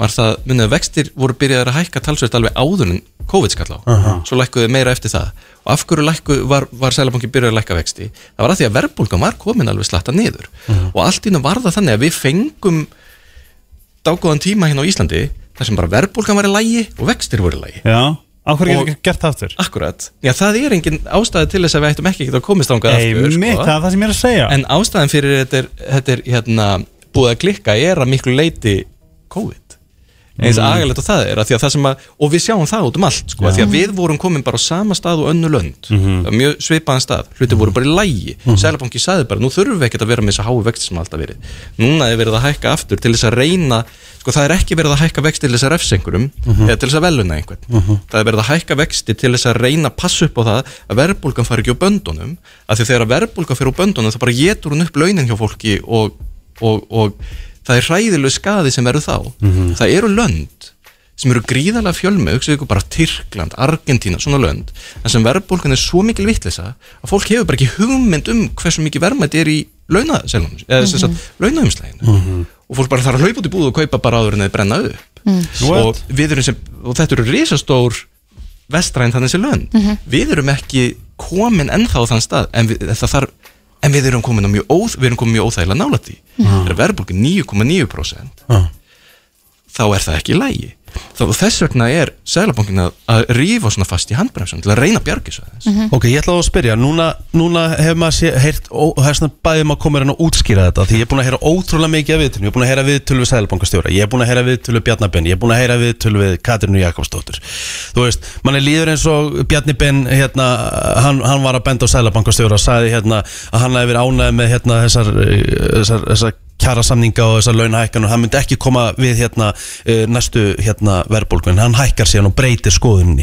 Sælabankastjóri bendur á ríkistjórnina hvert er raunverulega vandamálið og hver er raunverulega ástæðan fyrir þessu Eða veitað ykkur eða Já og sko þetta er nefnilega það sem að að mínum að þetta var svolítið óhefnilegt varandi í hvað átt þessu umræða fór vegna þess að, að það var allt og mikið um það að, að það var verið að gefa sér að það var einhver eina ástæða og þá er það þannig að það fara allir að benda hver á annan að segja, já öll öll sökin er ekki á mér þannig að þá benda á einhvern annan og það hafa allir svona jafn, rétt og jafn rangt fyrir sér eiginlega í þessu vegna þess að það eru fullt af ástæðum fyrir þessu ég meina eina ástæðan er bara er bara hreinlega svo að, að krónan er búin að veikja svolítið það er bara dýrar að flytja hluti inn til landsins maður hækkar þá vöru verið í verslunum, það er alveg rétt eitt af því er að, að hérna, laun eru búin að hækka mjög mikið, það þýðir að það veru, þarf að hækka kannski vöru verið líka til þess að eiga fyrir þessu launum og það veldur verðbólku, það er alveg rétt eitt er það að ríkistjórnin er búin að vera að hækka gjöld á hitt og þetta og það, það, það er alveg þetta er allt svolítið rétt þetta er svona ákveði bland í póka sem býr til þessa verðbólkutölu Mhm. og það er alveg satt sko.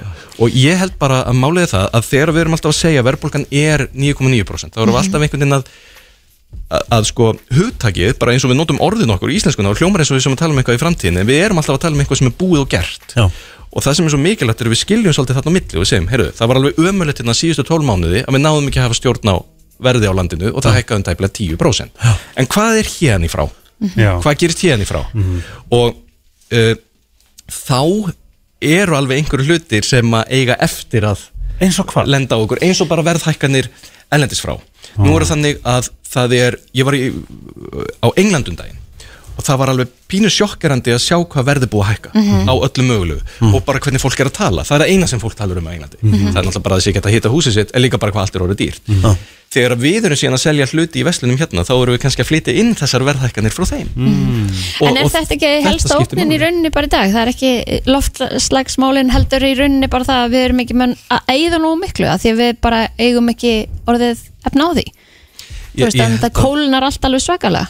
uh, á mörgum stöðum eru hagkerinn átt kóluna en ekki hér Mhm. En- við erum þó allavega lánsum með það að við erum ekki í kreppu á Íslandi En svo upp á móti kemur bara einmitt fréttir um verðhækkanir á öllum vörum allstaðar. Það er alltaf allt sett út í verðið og við endum alltaf með því að borga. Verður samtalið aldrei tekið það sem er bara a- að þetta verði einhverstaðar tekið af að því að svo upp á móti koma allar fréttinnar um gríðarlegan hagnað og, og greiðir út arðir sem eru í einhverjum miljörðum og svona en verður Kristín. aldrei, þú veist, samtalið tekið það sem bara, heyrðu, ok, þú veist, við þurfum að taka þetta aðeins á okkur og jú, við þurfum bara að gera aðeins öðru sér tölur hérna og við greiðum okkur ekki út jafn mikið þetta árið eða næstu fimm árin og í staðinn þú veist geta fleiri eitt þá einhver aðeins meira í þeim veslunum sem að þessi menn samt greiða, græ, græða alveg á Jú, algjörlega, og ég meina þa Oh. það sem þú ert að lýsa er í rauninni bara það sem að samkeppni á að gera Já, samkeppni á að gera það að neytandina hann velur vegna þess að hann er upplýstur um þessa hluti og á einhverju tímpúti lætur hann ekki bjóða sér eitthvað Já. og þá fer hann bara annað og en gerir við eitthvað Íslendingar erum nú ekkert sérstaklega þekktu fyrir það að, að hérna, láta ekki bjóða okkur eitthvað Nei, Við förum að vera alveg að- virkir neytendur. Já, emmitt Nei, það En getur af við. því við erum svo lítil, skilurum við Já. Þú veist, við kannski emmitt höfum ekki eitthvað annað Þú veist, eins og núna er verið að tala um það að leifa einhverja erlendabanka að koma inn þannig að Já. verði meiri samkjöfni eða erlend tryggingafjölu þannig að verði aðeins meiri Er það samkjöfni gott?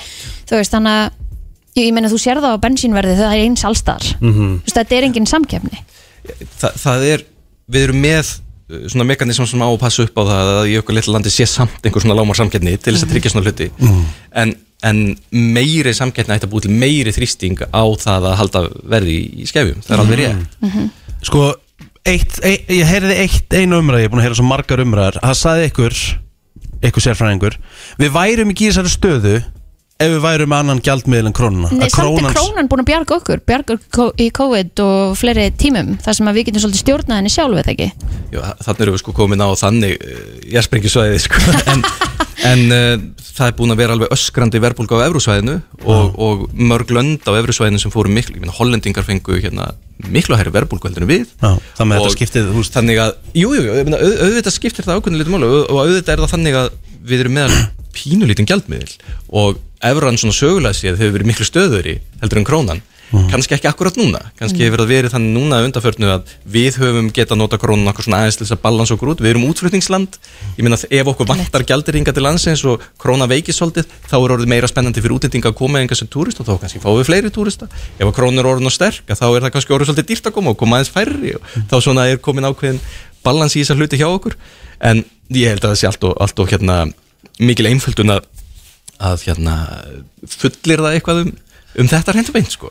Loka spurning, uh, Björn uh, Ég veit, þú máttu auðvitað ekki segja fólki hvað það á að gera En ef þú ættir að- ef- eh, ef- ef þú mættir ráðleika eitthvað hva, og, og meðan að staðan er svona í dag hva, Hver ráðleikur er fólki að gera? Á fólk að halda aðeins að sér höndum núna næstu mánuði uh, Eða eigum við bara að halda áfram eins og ekkert hafi í skorist Sko, það sem að ég held að það sé alveg hreint og klárt hvað, hvað allir þurfa að hugsa um fyrir sjálfa sig það þurfa allir, ég veit að það er ekkert skemmtilegt en það þurfa allir bara aðeins að setjast niður með bláðu penna Mhm. og bara aðeins að taka stöðuna á því hvernig svona heimilisfjármálin eru Já. og vera pínulítið meðvituð um það að það er ekki augljóst eða gefið að það sé alltaf fara að batna rosalega hratt og verða bara frábært og bara nákvæmlega sama vakstasti og verðbólga var í COVID þannig að um, ef, ef að það er hægt að þá ætti fólk að reyna að búa sér til einhvern varasjóð það er bara og ég veit að, og þetta er alveg rétt hjá þér ég meina hvernig á ég að geta það þegar bara reikningan er að Akkúrat. hækka og, allt það, það, er- og, og það er bara ókíslega erfið Jú, líka En það er að þetta hægt- búið til varasjóð með þessum vöxtum sem er í búði þeir eru samt ekkert, ekkert slæmir sko, en miðað þeir eru við- samt minni en það sem bankarnir fá hjá seðlabankunum já, sko, Þannig að við erum aldrei að græða ef að þú ætlar að e, já, ég meina hvernig hafa hvernig hafa bankar verið reknir í mörgundru ár Já, já. á því að það, einhver starf þurfa þær að búa sér til Já, hagnað. það ger, En- þeir gera það með öllum þessum gjöldum sem eru sett á Já, okkur. líka já, já, já, já, já. En sko raunveruleikin sem maður þarf að díla við ef maður er í, í hérna, situr með sín heimilisfjármál er það, jú, maður getur alveg haft skoðanir á rekstri banka en kannski það sem er mikilvægt að maður gerir er að maður hugsa aðeins um sjálfan sig Já.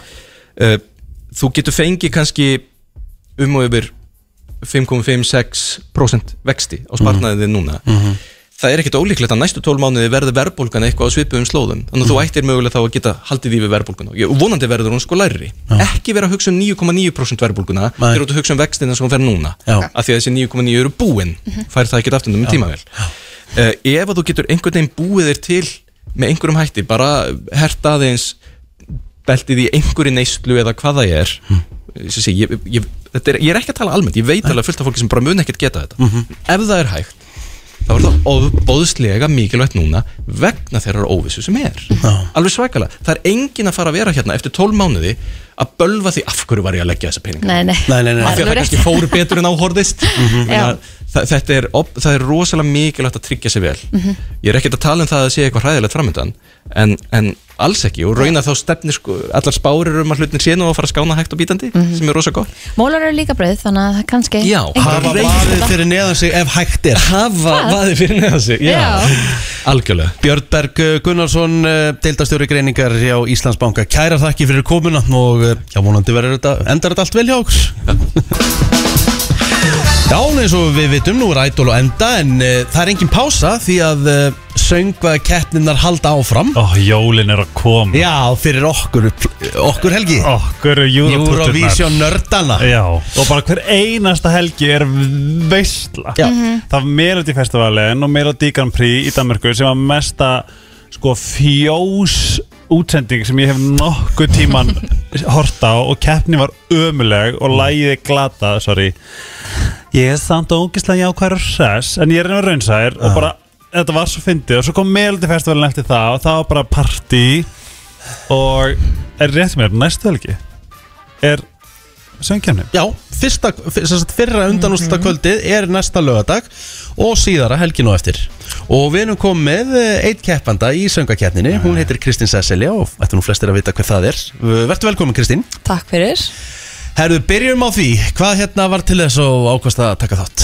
Ég hef alltaf verið svo mikið söngvakeppnis aðdándu sko um, en ég er bara búin að vera, á síðasta ári var ég að semja svo mikið af tónlist og bara það var svo mikið in the works einhvern veginn þannig að ég ákvað bara að senda inn uh, þetta ár sko, ég sendi alveg inn þrjú lög eða eitthvað, ég sendi inn tvö sjálf Ok. og svo eitt lag með hérna, Benedikt sem er líka að keppa Mhm. og Kjalar var að syngja bakrættir á því þannig að við erum Nei. bara, já við erum öll bara eitthvað Býtu í þessu. Benedikt Svín Nei, Eh, nei ben, það er Bræi, en Benedikt sem að, hérna, hann er með Þóra, með krullur Já, Allir grænir. heitir hann Benedikt, hann er óstað flottur Já, hann gekkjar Hefur þú hérna tekið áður þátt í söngakeppninni, fyrir Ég- þá sem ekki vita? uh, Ég sendi einu sinni einn lag bara þegar ég var 15 ára, uh, já, 16, ég man ekki eitthvað, Ok. og það komst ekki inn Nei. en ég hef ekkert, já ég verð alltaf svo, þú veist, þó ég hef ekki sendt inn þá var ég alltaf ótrúlega afbríðisum þegar þau byrta Já. hverjir að keppa hérna söngarhefni þannig að mjög næs að vera ekki afbríðisum við þetta ár Hvað hérna, uh, úst, ertu Eurovision aðdándi bara yfir höfuða? Já, ég elska Júrusson Ok, hvað er uppáðs uh, frá 2009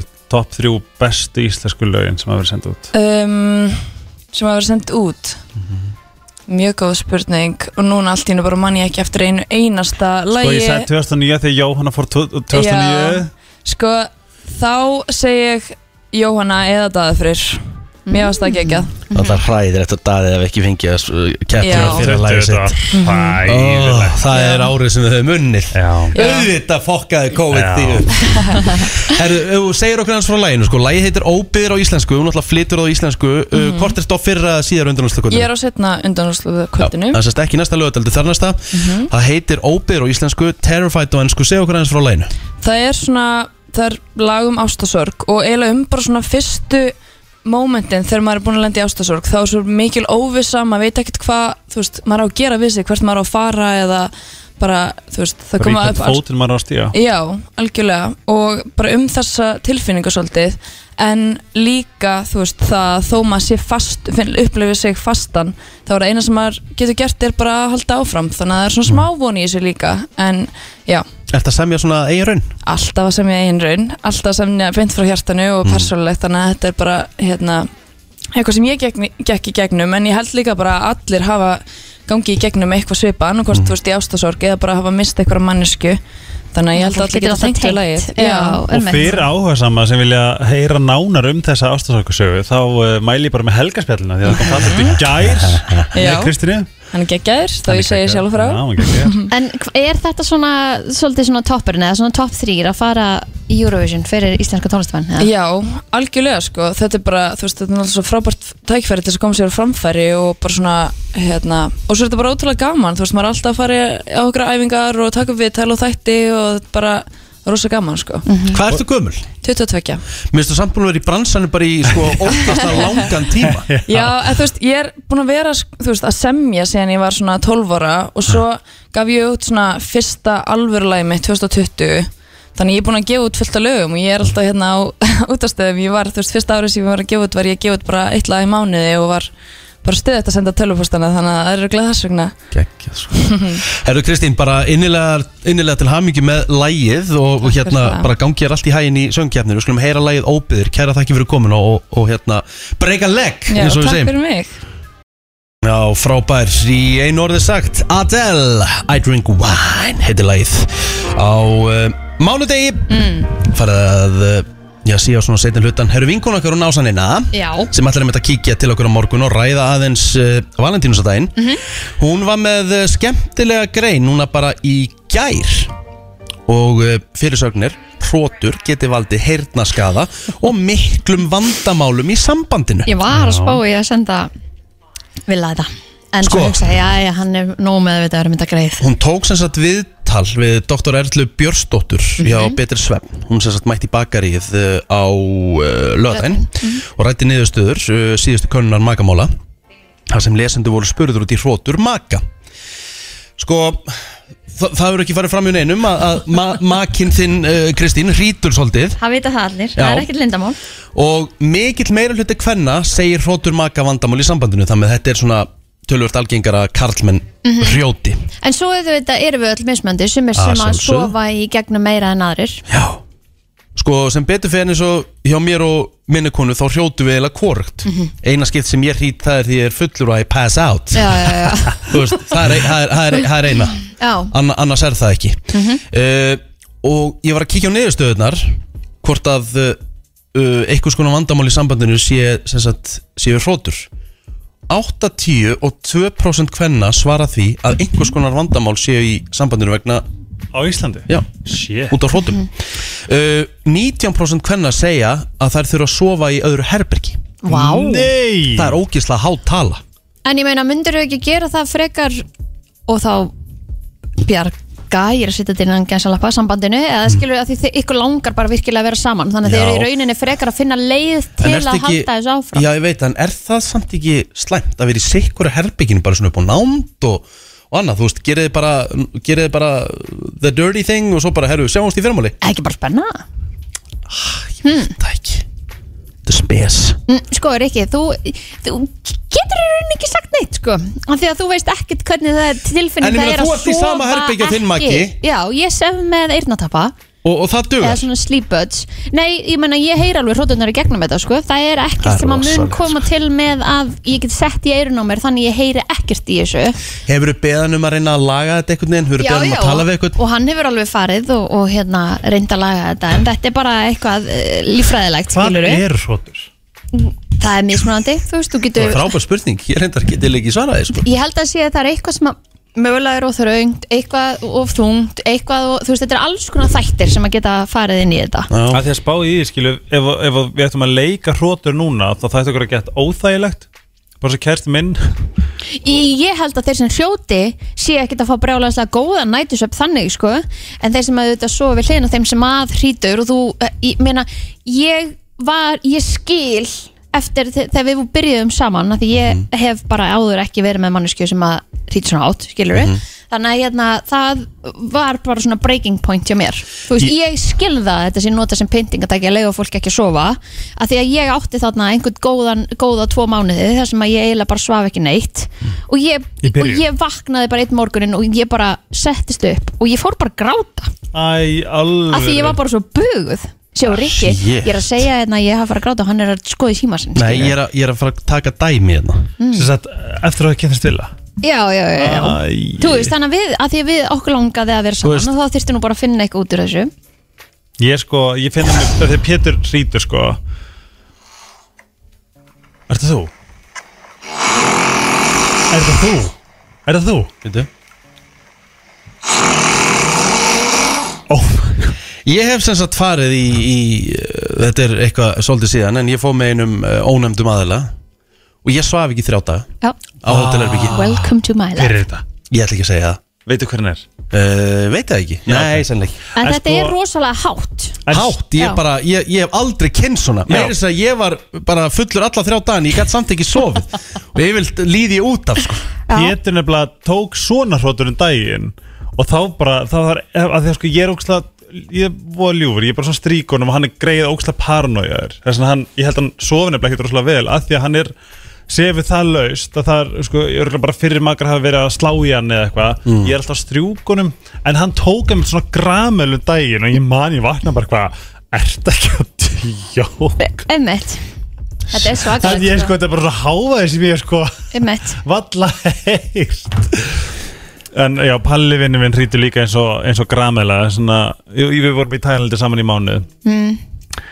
Þetta er alls konar þetta Ah. er ekki næ sko Og svo þegar við vorum að djamma saman og sáum alltaf í sama herbyggi þá var alltaf bara svona Þú þarft að býða þá til ég sopna Já. Þegar þegar ég sopnar þá er ég dögur Þá er ég já, já, já. En þetta er ógislega En sko með Pétur hann, hann er dúlla Ég, ég strík honum bara aðeins og eitthvað svona stundum En mér, eins og segir, mér er alltaf að dreyma hrótnar hans Það er alltaf að ég er ekkert að dreyma, þú ert að heyra þér Já, eða, þú veist, sko, eða, þú veist, þær, þær, þær innvikast alltaf inn í dreymið minn Um daginn var, var, var, var ég á tónleikum greinilega og bara guð hvað þetta djúbröttaði söngvari og þá var þetta hrótundar sem að voru Jesus. músikin, þetta var ógeðslega að fyndi Herru, förum í þann virta eftir smá Móli dagsins í brennslunni Já, krakkar mínir og eh, já, gott að vera með Ómarsson hérna núna því að Ó, ég hann els- alltaf að sjá um þann virta Ég elska virta Já Við höfum ágætast tíma það ekki? Jú, jú, jú, jú. Því í dag verða er nokkrir Ok um, Er þið tilbúin? Ég er bara meirinn tilbúin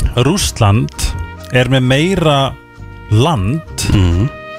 en allt Plútó Ha? Mm. Er Rússland stærri en Plútó? Já Mm-hmm. Já Fyrst ykkur ekki alveg Jú, makalist það er uh, nokkuð magnað Svín Þegar þau stundar kynlíf eru fín Þau eru voða fín Þegar þau stundar kynlíf Mm. Já Þá getur fullnæging þeirra ennst Í upp til 30 mínútur Já Ég held að maður myndi örugglega bara pass out já, hérna. maður var örgulega maður var örgulega líka fljótt að vera þreyttur það, þú veist, þreytt Talandi um uh, uh, að við séum lifandi í, í real life Hunger Games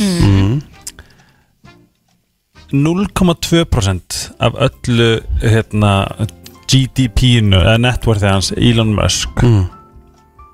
er satt 0,2% af heimsins GDP Vá. wow. veitir hvað það þýra Já, já, hann á satt 0,2% af öllum peningu öllum heiminum akkurat og uh, hann stjórnar örgulega alls konar Stjórnum hans er miklu uh, Ára 2015 þá kefti Kristján Ronaldo uh, eigu gríska eigu fyrir uh, umbásmannin sinn Mhm. í brúðkapskjöf já, Djúlega maður og uh, verðið eða, sast, uh, verðin eru milli 3,4 miljón og 54 miljón dollara þess að Já. þetta var einhverstað þar á milli Það er ekkert annað hrísgrjón er í rauninni bara fræ hrísuna plöntunar Já, já. Ah, sem við erum að borða fræn samt er þetta bara kolvetni Mhm. Tupac var ekki eldri en uh, Elon Musk en þeir voru fættir sama ár já, já hann er ekki gamal Tupac Nei, nei, nei, nei yfir helmingur af öllum hindberjum sem að eru pródúseruð eru frá Rúslandi, Mexiko og Serbíu Adidas, Calvin Klein, New Balance, Nutella og Durex nota allt sama letrið í logoinu sínu það og eitri heitir Avantgarde Þetta er náttúrulega stöðlað, ég elska geiminn en eh, 99,99989% af öllum geimnum er bara tómt Já, Eh, áhugavert, þetta hef ég ekki hýrt það er svona þú veist það, því því að hvað er mikið í geimnum Mhm. samt er 99,9 mm. tómt Mm. Eh, þú getur komið öllu sem sagt, eh, öllu okkar human race, Já. öllu mannkinnu inn í einn sigurmóla ha, með að við ég veit sem ekki hvað það þýr ég veit ekki hvernig ég útskýr þetta Herðu, að þessi leilur uh, Bláar gallaböksur eru mm. órilegar í Norðurkóru eins og svo margt annað að því að þau minna of mikið á amerískan imperialisma já, já Ef þið kúrið eftir kynlíf Já, þá mun það auka um, svona um, uh, svona um, ánægju í sambandinu já, svona langvarandi ánægju í sambandinu en Kúr er maður gott þarf fyrst að fara og klóið og svo að það já, Alright, gott alright, fyrir heilsuna alright já Mhm. áttu að pissa já að það eftir kynni Þegar maður- já, Galileo hvað er þetta hvað heitir hann Þetta er Fokki puttinn. Fokki putin, bara Já. m- m- með putin Langatöng Langatöng Langatöng Galileo er til sínis á Galileo-safninu í Flórens á Ítalíu Hvað, skar einhver l- löngutöng á honum þegar hann dóið það? það held ég Já, ok einn af 400 mönnum eru nógu liðir til að gefa sjálfum sér höfuð Mhm. höfuð mm -hmm. Hefur það reynda? Kanski þegar ég var yngri en ekkert svona sem ég man eftir Mhm. þú veist mm -hmm. um, Einni Mhm. viðbót Einni viðbót oh, Ég er með svo marga Takk þú eitthvað eitt góðan Tvo Tvo, ok, sælt Ok, Bill Gates kefti hérna vísinda dagbækur Leonardo da Vinci fyrir 30,8 miljón dollara Vá.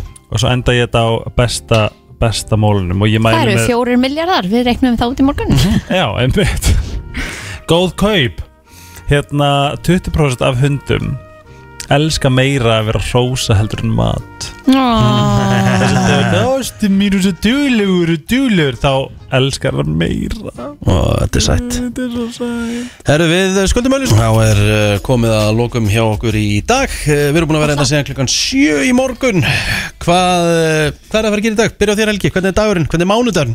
Mánudagurinn er svo ljúfur af því að eins og segi, ég vann svo mikið um helgina að ég, það er bara svona að fara að taka svona síðustu endana Mhm. þess að þetta er bara geðveikt en by the way, að því ég talaði ekki um það horf, voru búin að sjá Rihannu performanceinu á Super Bowl Nei, ég á eftir að horfa á Já. það Ég bara vaknaði, kom í vinnuna búin að vera með ykkur og alltaf horfa síðan á eftir ég sko bjóstu meiru en við fannst hún gera það sjúklega vel ég veit að hún góður vókalist Sko ég bjóst við að myndi einhver koma með eða skilur að það myndi einhver svona Já, það ég bjó- kom enginn að það er nokkuð. Nei, jú, ég Nei. bjóst við svona algjörum sirkus eitthvað svona svaka læti Já, ég held að þú veist, ég veit ekki M&M eða Kristina Aguilera eða þú veist, Já. eitthvað, ég veit ekki en, en bara stefnir á mjög góðan og ljúan mánudag ég og skristur bara fara heima að hafa Mm. næs Ég er að fara að vinna núna, bara ætla að setjast niður á kaffu og svo klára allt og svo bara, einmitt, bara fara á æfingu og bara vera að dulla Já.